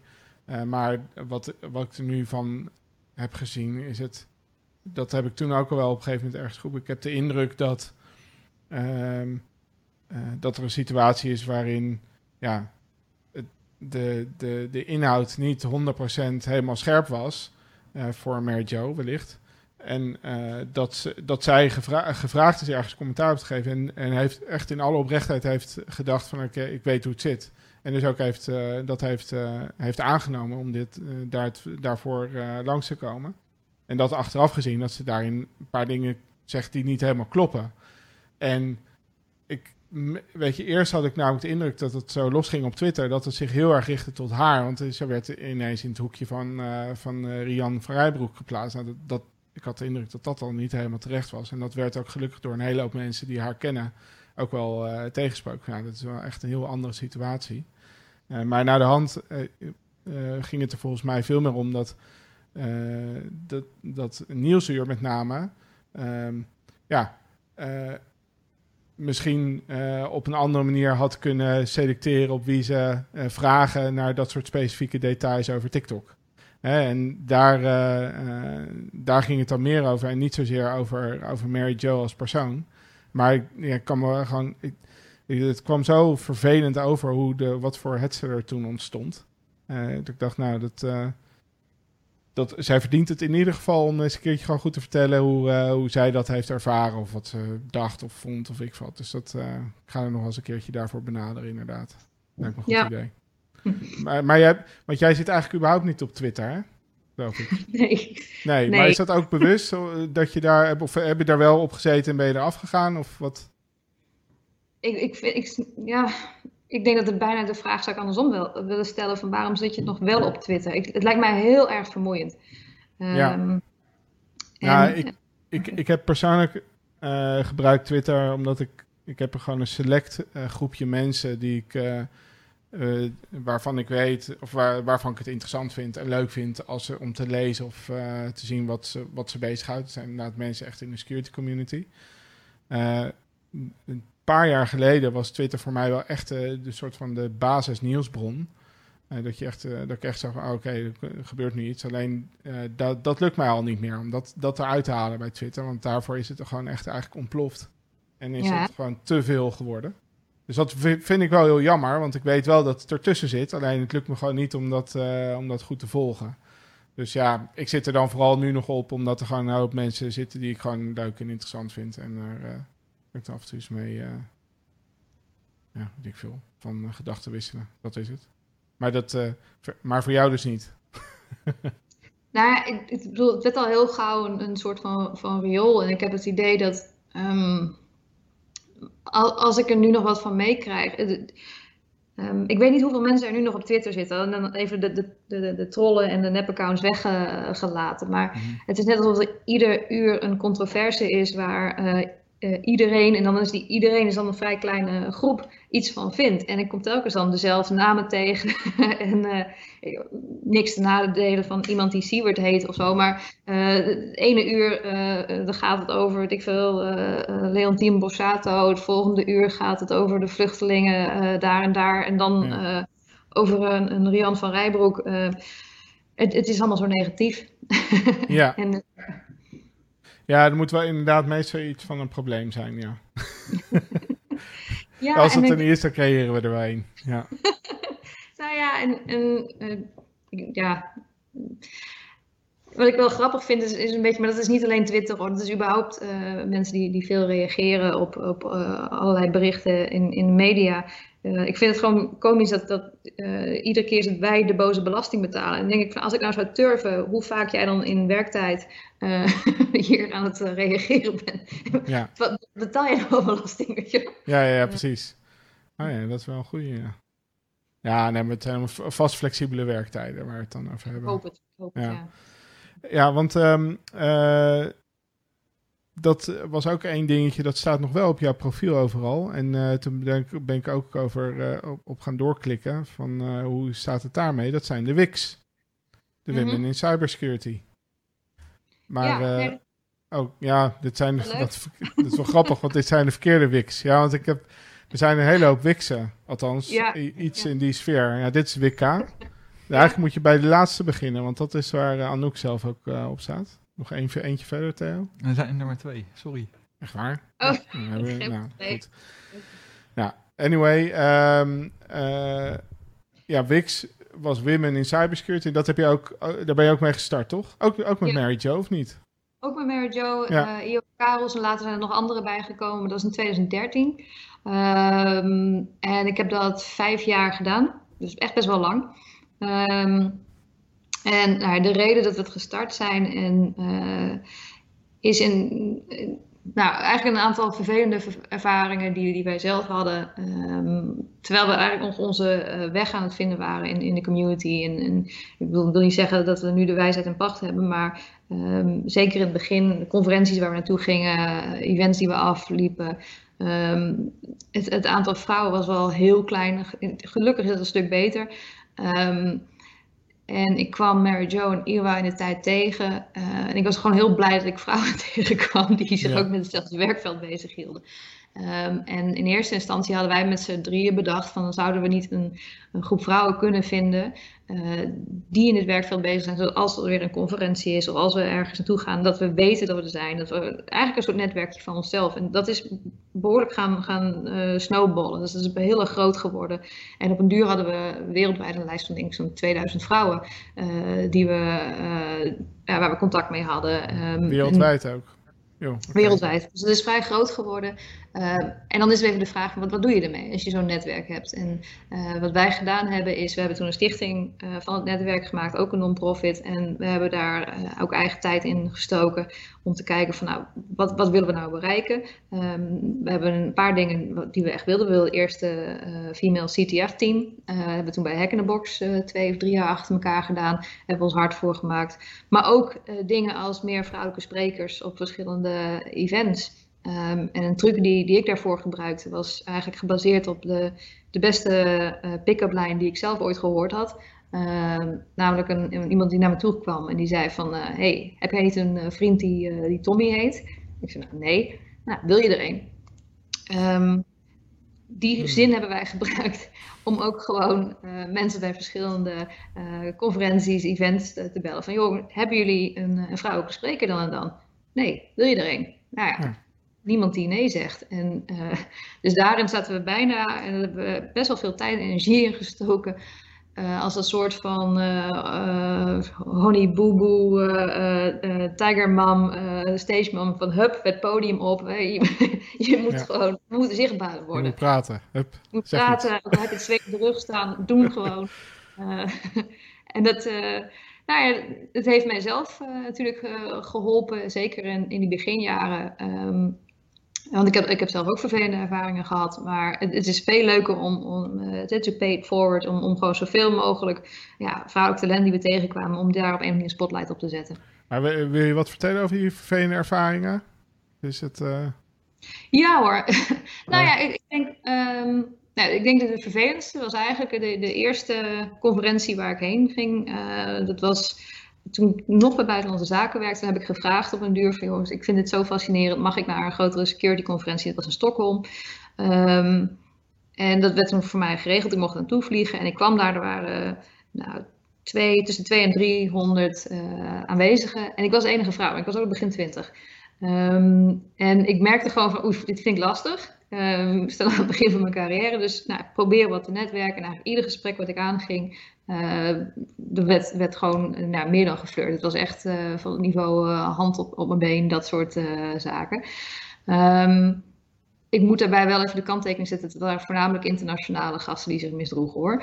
Um, maar het ging zo ver dat er een, een Amerikaanse generaal of kolonel, weet niet meer uit mijn hoofd. Die kwam naar mij toe gelopen en die zegt: Ik ga uh, vanavond met jou uit eten. Ik zei: Dat ga je niet. Jawel, ik haal jou om uh, acht uur op en ik sta voor je hotel. en uh, ik, nou, ik, ik, dacht: Je weet niet waar mijn hotel is, maar oké. Okay. Lang verhaal kort. Ik heb na die eerste dag van die conferentie mezelf opgesloten in mijn hotel. ik durfde niet meer naar buiten toe. Um, volgende ochtend word ik door de organisator van de conferentie aangesproken. En die zegt tegen mij, hey, wij hebben je gemist gisteravond, waar was je? Dus ik zei, nou, dit, dit is de situatie. Die voelde zich heel erg bezwaard ervoor door. En met zijn beste gedrag dacht hij, nou, ik ga haar helpen. Dus wat heeft hij gedaan? Hij heeft mij een soort van hokje voor aangezet bij die conferentie. uh, helemaal vooraan in het midden. Uh, met niemand daaromheen. Zo van, dan gaat niemand haar lastigvallen. En zo heb ik de conferentie uitgezeten. Oké. en toen dacht ik, dit nooit meer. nee, dat snap ik. Um, maar ja, goed, en dan, dan, dat, dat was nou echt vervelend. Maar ja, andere dingen, um, als ik ergens kwam, uh, we hebben gevraagd of ik de, koffie, uh, of ik de koffiejuf was, uh, of ik de jassen kon ophangen. Ja, gewoon denigerend. Ja, ja maar niet eens bewust hoor, maar gewoon niet, ehm, omdat, omdat er zo weinig vrouwen waren, ook niet eens doorhebben dat ik misschien wel echt een bezoeker was van het event. Ja, ja. Ja, ik kan me voorstellen hoor. En is dat, is dat beter geworden nadien? Heb je de algemene indruk dat, uh, dat, dat het meer geaccepteerd wordt of zo? Of dat je minder tegen dit soort ervaringen aanloopt? Ja, in, in Nederland zeker. Kijk, ook een van de redenen waarom we in Nederland best wel um, veel lawaai hebben gemaakt, ook in die periode, dan heb ik het echt uh, 2013, uh, 14, 15, is dat um, statistisch gezien deden we het en doen we het nog steeds wel slecht in Nederland als het gaat om het aantal vrouwen in de security. Um, als je kijkt naar vergelijk met de Verenigde Staten of met Azië en, zeker met Oost-Europa, um, statistisch gezien zijn er weinig vrouwen in dit werkveld. Maar ik heb wel het idee dat de vrouwen die er zijn wel een stuk zichtbaarder zijn geworden. Ja. Um, en ik vind over het algemeen uh, de, de Nederlandse community echt uh, fantastisch. Uh, en ja, echt welcoming. En ik denk ook dat is ook een van de dingen die wij gedaan hebben met de WIX. En dat was is, we hebben de eerste keren dachten we gaan borrels organiseren voor vrouwen. Maar dat is eigenlijk helemaal niet leuk. Uh, want ja, zit je met 50 vrouwen uh, in een café, weet je, een tijdje denk je, ja, ik mis iets. Uh, ja. Dus wat we later gedaan hebben is, oké, okay, we organiseren een wiksborrel, um, maar de regel is plus één. Mannen mogen komen, maar ze moeten wel uitgenodigd worden. Toen werd het leuk. en, ja. en eigenlijk op die manier dat, dat uh, ja, die, die, die community op die manier uh, aan elkaar kon wennen of zo. Dat, dat, ja, ik heb alleen maar een hele positieve ervaring mee. Ja, en, en eh, waarom is die stichting dan specifiek gestopt? Uh, nou ja, je eigenlijk, we waren gewoon knettergek uh, hoeveel tijd we eraan kwijt waren. Ja. Um, dus en na vijf jaar, en zeker omdat het nu hadden we zo'n grote uh, mailinglist waar we ook, ook, mensen die ons benaderden. Ehm, uh, nou, het ging om duur uit de hele wereld. Uh, vrouwen die ons vroegen van, uh, hey, kun je ook daarmee helpen? Um, kunnen, wil je me helpen om daar op het podium te komen? Of wil je, um, ik heb advies nodig over hoe ik stageplek moet regelen of zo. En hey, ofwel we hadden een bedrijf moeten beginnen, um, ofwel stoppen. We hebben nog wel geprobeerd het over te dragen aan een andere groep dames of die zo gek zou zijn, maar het is echt heel veel werk. ja. ja, snap ik. Want het, dat, uh, net kwam dan Wicca in beeld. Ben je daar ook bij uh, aangesloten? Of, uh, of, ik ben niet bij aangesloten. Ik heb er wel van gehoord, maar ik ben hartstikke blij dat het er is. Ook omdat het, het, het, blijft wel een onderwerp wat ik belangrijk vind. En ik heb er zelf ook wel veel aan gehad. Ehm, zeker toen ik jonger was. Om, om dat dames die al wat langer mee draaiden, om die te leren kennen. En ik begrijp ook van die Wicca dat dat ook echt wel jonge dames zijn. En uh, dat zij ook gewoon wel dezelfde brutale manier ook wat oudere sprekers bijvoorbeeld uitnodigen voor hun events. Dus ik uh, juich het alleen maar van harte toe. Ja, ja. Ja, mooi. Ja, en, en er is dan ook een grote internationale WICIS. Ja, ik weet niet hoe ik het moet uitspreken, maar goed, er is een hele hoop, hele hoop gaan op dat vlak. Ja, nou ja, ik denk dat het ook een goede ontwikkeling is. Eh, ik moet zeggen dat het wel in mijn ervaring nog, nog steeds wel ook ingewikkeld is om gewoon aan, aan ehm, kandidaten komen voor, voor functies op het gebied van security. Uh, die dames zijn, die vrouwen zijn. Ja, en ik, ik blijf voor mij, denk, ik heb dat denk ik altijd een vraag tegengehouden van oké, hoe krijg je dat dan beter of zo? Weet je, hoe krijg je dat? Hoe krijg je het werk wat we daadwerkelijk te bieden hebben aantrekkelijker of zo? Voor, mm voor, ook voor jonge meiden, zodat ze ook het vak kiezen. Um, en ja, misschien heeft het, zit het ook dat wel meer een beetje in die sfeer van de creativiteit die langzamerhand uh, steeds belangrijker wordt. Uh, alhoewel dat ook weer generaliserend is. Maar goed, uh, dat, dat juist omdat het ja, toch mijn indruk is dat aangezien security langzamerhand een beetje uit de, de diepte, zeg maar, opbolt naar meer echt oppervlak, naar de oppervlakte en problemen blootlegt die echt heel erg in de fysieke ruimte om ons heen zich afspelen, dat het dan veel ja, tastbaarder en aantrekkelijker wordt om, uh, om uh, mee aan de slag te gaan. Dus misschien dat, het, uh, dat dat een ontwikkeling is. Hoe, hoe is de verdeling op de cyber workplace wat man-vrouw betreft? ik, heb, ik heb altijd te weinig dames, maar ik heb dames. En ik heb ze niet, um, ze zijn niet specifiek getarget. En dat vind ik al zo'n winst. Ja. Er komen gewoon dames. en die, die ja, ik denk dat de verhouding nou 1 op 4 is. Oké, en, en is daar nog iets, iets in te herkennen of zo? Dat je denkt, oh ja, dus, dus die hebben ergens een kans gehad of een, of, een, uh, of een zetje in de rug of zo, waardoor ze deze keuze hebben gemaakt? Of? Um, nou ja, eigenlijk wat jij ook al zegt, het is zo moeilijk om, om daar uh, een soort van, om er generaliserend over te spreken. Wat ik niet zozeer bij de cyber workplace, maar wel in de jaren daarvoor heb gemerkt, is dat de, de vrouwen die ik kennen die echt uh, super goede skills hadden, dat die wel vaker kozen voor een functie die maatschappelijk relevant was. Uh, dus waar ook meteen uh, ja, het, resultaat van je werk zichtbaar was. Dus dan zit je meer te denken, die gingen dan wel bij de politie bijvoorbeeld, of, uh, of bij een defensie, of iets meer een publieke functie. Of bij bedrijven of organisaties die, die ook een publieke taak hadden. Um, we hebben ook wel uh, bijvoorbeeld, ja, ook, maar zelfs bijvoorbeeld ook in de zorg. Um, dan heb je het niet over een traditionele eh, zorgfunctie, maar een organisatie die zorg levert, is dan wel wat interessanter. Ja, ja, oké. Okay. Nou goed, ik heb, uh, ik heb zelf een dochter, dus ik ga het niet al te veel stimuleren, maar ik ben natuurlijk stiekem hier en daar wel een beetje, zeg maar, overmatig veel computerdingen en zo aan doen met haar. dat, uh, Theo die zit tot de Theo dus is jongens die hebben laatst een uh, een of ander las uh, of nee wat was het? Soldeer uh, setje in elkaar gezet hè? Ja. Dat was wel geinig. Hoe zou zijn net, net zes jaar. Net zes jaar. Die hebben zitten solderen. Ja, ja. geweldig. Ja dit, die, die moeten we hebben natuurlijk. Ja, nou ja, en ik bedoel, het enige wat ik, waar ik wel van overtuigd ben, waar, waar vrouwen echt heel erg goed in zijn, is uh, meer het social engineeren, die, uh, die kant uh, van Nou ja, ik, ik, ik, van, van de mensen die ik op Twitter volg, die ik, die ik hoog heb zitten, zijn bijvoorbeeld Katie Moussouris. En mm. ja, nou, die, die naam weet ik dan even zo uit mijn hoofd. Maar het zijn een aantal vrouwelijke profielen waarvan ik denk van ja, die zijn toch eigenlijk om de een of andere reden heel goed in staat om uh, meer beleidsmatige terreinen ook echt goed vast te pakken. Met toch echt wel een technisch inhoudelijke uh, uh, grondslag. Weet je wel, maar oké, dus echt te denken van oké, dit is het technische probleem. En weet je wel, daar gaan we dit en dat aan doen. Op de, ik weet niet, ik, ik heb toch de indruk dat dat, ja, dat het hen heel erg goed lukt om dat heel professioneel en vakkundig dan aan te pakken, zoiets. Dus ja, ik heb er veel respect voor. Het zijn de skills die je, die je überhaupt nodig hebt. Hè? Ik bedoel, die, die, die brug kunnen slaan tussen het, uh, het nou, beleidsmatig is nog niet eens zozeer, maar het, het waarom van wat je aan het doen bent. Um, En ik bedoel, dat geldt natuurlijk ook voor mannen. Maar je ziet überhaupt dat het werkveld zich wat uh, um, ja, verandert. Je, je hebt uh, steeds meer verantwoording af te leggen, denk ik ook, als, zeker als ethisch hacker. Mensen kijken naar je. Je moet uitleggen waarom je iets doet. En uh, het, het, wordt steeds minder in de anonimiteit, uh, denk ik.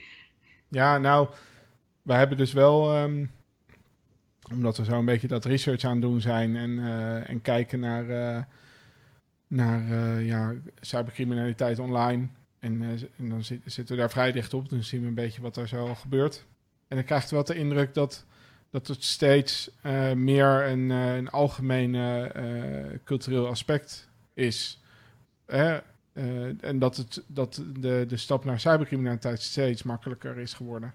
Wat heel toegankelijk en eenvoudig is voor jongeren om ja, ermee te starten. Omdat er gewoon een hele hoop eigenlijk kant-en-klaar aan, aan tooltjes en know-how en zo beschikbaar is. En dan weliswaar op een super, hoe zeg je dat? domme manier. Dus uh, heel goed traceerbaar. En uh, weet je, dus ze staan er totaal niet bij stil dat, dat alles wat ze doen eigenlijk ja, te, te, volgen is als dat nodig is.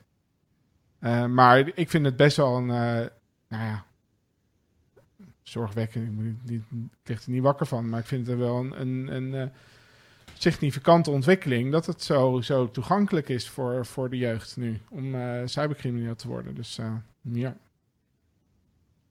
Ja, absoluut.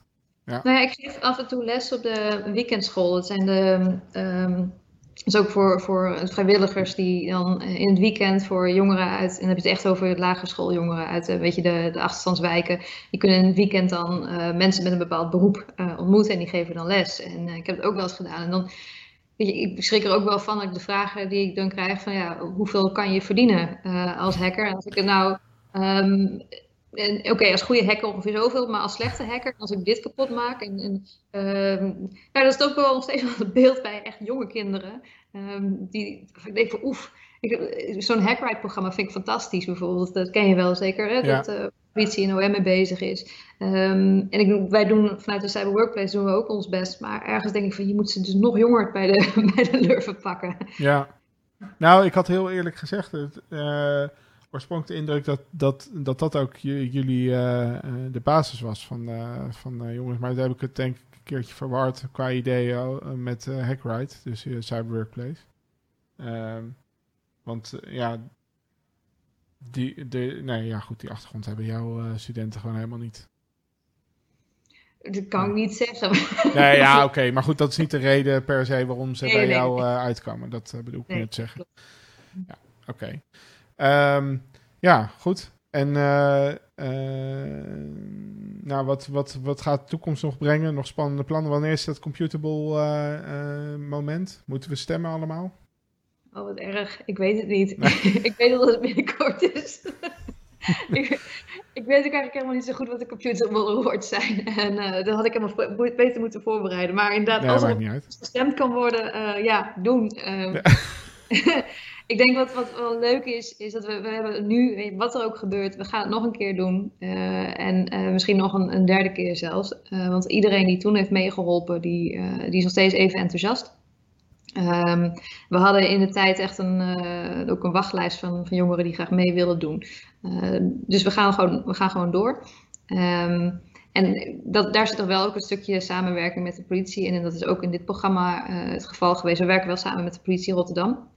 En met, in het bijzonder de havenpolitie. En die zijn zo ongelooflijk sportief. Dat in het kader van CSI 010 zij ook echt uh, ja, zaken delen met onze studenten. Dat die studenten daaraan mee kunnen werken. Uh, en als ze een, een, zaak goed hebben opgelost. En ook met een uh, supersnelle politieboot op de haven mogen. Dus dat is, dat is de cool. te winnen. Ben, ben, je ook wel eens bij, bij de RDM geweest? De, de RDM Makerspace? Ja. Ja, dat, ja dat, dat, wij, ik kwam daar wel eens omdat daar in de tijd dat we bij KPN zitten, zaten, daar de Cyber Central is gestart.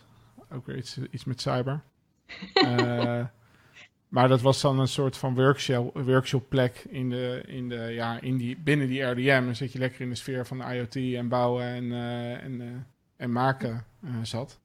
Maar ja, daar, daar kan je ook wel leuke dingen doen met, met digitale technologie en hacken en schroeven en, en dat soort spullen. Dus een leuke omgeving. ik... vind, ja, ik vind Rotterdam wat dat betreft een goede, ja, een goede stad is, wat dat betreft. Weet je, er gebeurt wat dat betreft een hele hoop. Ja, er zit ook echt. Ik geloof ook wel dat er een, een soort van Rotterdam-approach bijna in zit hoor. De, dat, uh, ik, ik, begin het ook steeds meer te zien, omdat uh, wat, wat ik bijvoorbeeld gemerkt heb, is zeker toen wij die eerste jongeren uh, binnenkregen en die wilden gaan stage lopen, uh, dat het Rotterdamse bedrijven er niet moeilijk over doen om te kijken van heb je nou wel of niet een papiertje. Het gaat erom wat je kunt. Ehm, en ik ben er echt wel van overtuigd dat je zoiets in, in Amsterdam bijvoorbeeld moeilijker van, uh, van de grond had kunnen krijgen. Wat ik nog steeds bijzonder vind is dat de allereerste stagiair die wij hebben kunnen plaatsen was bij de politie Rotterdam. Nou, dan heb je, heb je ballen. Uh, om gewoon, je, je, kent ons nog niet, je weet niet wie we zijn, je weet alleen dat wij met jonge hackers werken, die geen, geen of weinig diploma hebben of geen passende diploma. Um, en die laat je in zo'n organisatie toe. En maar omdat ook gewoon de politie Rotterdam vertrouwen in ons had en omdat daarna ook de Rotterdamse bedrijven volgden, daar ook de gemeente, um, hebben we, of kunnen we groeien. En ja, ik ben, dat had nergens anders gekund, denk ik. Ja, maar blijft het altijd een stichting, denk je? Of wat, wat is het de vorm waarin dit het beste uh, zit, denk je? Of het beste is, dat weet ik niet. Um, wat mij betreft blijft het een stichting. Ik, ik, ben niet geïnteresseerd om daar een, uh, een commercieel verdienmodel achter te zetten. Uh, ik denk ook niet dat het werkt. Um, omdat je dan. Kijk, wat het leuke is, vind ik, dat wij jongeren niet actief hoeven te zoeken. Die komen binnenlopen. en het is ook omdat. Ze weten ook dat ze alleen maar met een motivatie er komen. Dus we krijgen geen geld als zij ergens geplaatst worden, bijvoorbeeld. Of, um, en als zij niet um, een stageplek zoeken of ze komen er bijvoorbeeld om te leren hoe je ondernemer wordt, ook goed. Ik denk dat die vrijblijvendheid, dat we geen school zijn, dat we geen uitzendbureau zijn, maar echt een, een, werkplaats. Ik denk dat dat wel een goede toon is. Ja, en dan wil je ook niet dus, juist om die reden, dus ook niet onderdeel worden van een groter onderwijsinstelling bijvoorbeeld. Daar... Nee, Nee. ik kan maximaal 20 jongeren tegelijkertijd herbergen en dan kan je ook nog uh, aandacht geven. Ik bedoel, daar heb ik ook echt wel medelijden met, met die grote scholen hoor. Want uh, ga maar eens een keer echt jongeren inspireren en uh, um, nou ja, verder helpen als je 50 jongeren in een klas hebt zitten. Ja. 20 is met, met vakken waarvan 80% ze niet interesseert. Ja, precies. Ja, ga er maar aan staan. Het was bij mij, uh, kijk, dus hand in eigen boezem, dat was bij mij altijd het probleem. Ik, dacht, oh ja. ik had dan marketingmanagement gekozen, hè, dat is mijn uh, studieachtergrond. En dan moest ik ook Spaans leren, bijvoorbeeld. Mm. Ik dacht, ja, het is best handig als ik op vakantie ga, maar zeg maar, om het te moeten, dat is weer wat anders. Zeg maar. Ja. Dus ja, oké. Okay.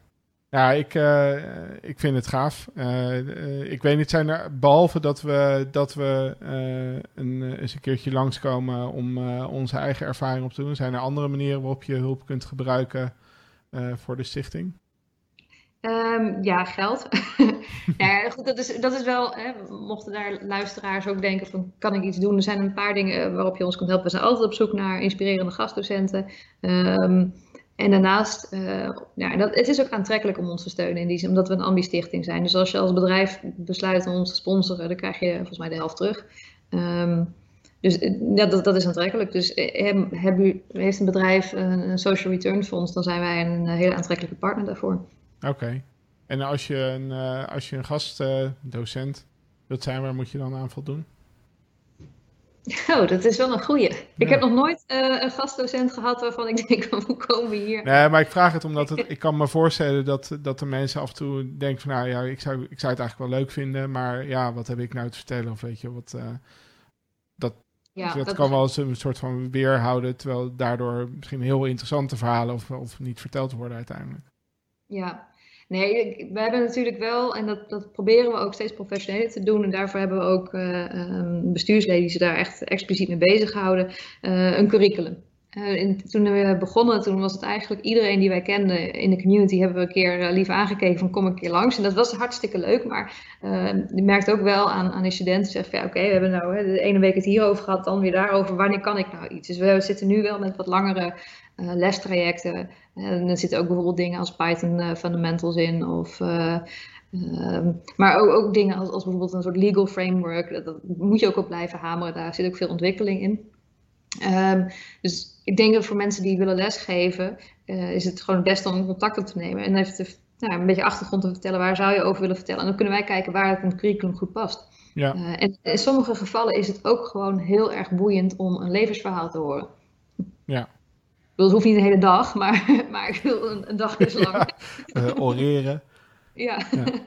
nee, maar ja, ik, het heeft mij wel ook de ogen geopend toen ik hoorde dat. Um, best wel veel jongeren die wel naar school gaan, zeiden van wij hebben nog nooit een gastdocent gehad. We hebben nog nooit iemand uit het bedrijfsleven gehad in al die jaren dat ik uh, al deze opleiding zit. En, uh, en toen bedacht ik me van ja, dat heb ik eigenlijk ook nooit gehad. En uh, je hebt toch altijd zo'n moment dat wanneer je een beetje klaar bent met je opleiding van oké, okay, nu gaat het werkende leven beginnen, hoe dan? En um, ja, waar begin je? Ja. Dus ook dat, en ook gewoon ja, de fouten die je gemaakt hebt. Uh, ondernemers vinden we ook heel interessant. Van wat uh, op een duur besluit je dan toch met de. Van ik heb deze skills, ik zie daar een markt in. Welke keuzes heb je gemaakt? Uh, ja, welke fouten zijn gemaakt? Ook dat is, is echt van belang. Maar ook echt heel erg de praktische dingen. Kabelstrekken vind ik nog steeds interessant. ja. Nou, dat kan Theo heel goed. Ik heb zelf een keertje kabels gelegd hier. En toen ja. heeft Theo het daarna nog een keertje opnieuw gedaan. kabels leggen is niet mijn uh, sterke kant. Toch? Er was ook iets mis met die kabels volgens mij. Dat Dankjewel Theo. Dankjewel Theo. Het lag aan de kabels, ja, heel mooi. Oké, okay. nou uh, ja, we naderen een beetje de twee uur. Zijn er nog uh, wat jou betreft onbesproken dingen dat je denkt, nou, dit moesten we echt eventjes de revue laten passeren? Nee. Uh, nee. Nee, okay. nee, ik denk we kunnen inderdaad nog wel twee uur doorpraten, maar ja. laten we het een andere keer doen. Voor een latere keer. Ja. Oké, okay, nou uh, onwijs bedankt voor, uh, voor je tijd en uh, je leuke verhaal. dus ik wens je heel veel succes nog met Cyberworkplace en al je andere activiteiten. En doe ze de groeten en tot binnenkort als we langskomen. Tot binnenkort, ja, ik verheug me erop. Hartstikke leuk. Oké. Okay. Hey, dank je wel. Dag. Doei.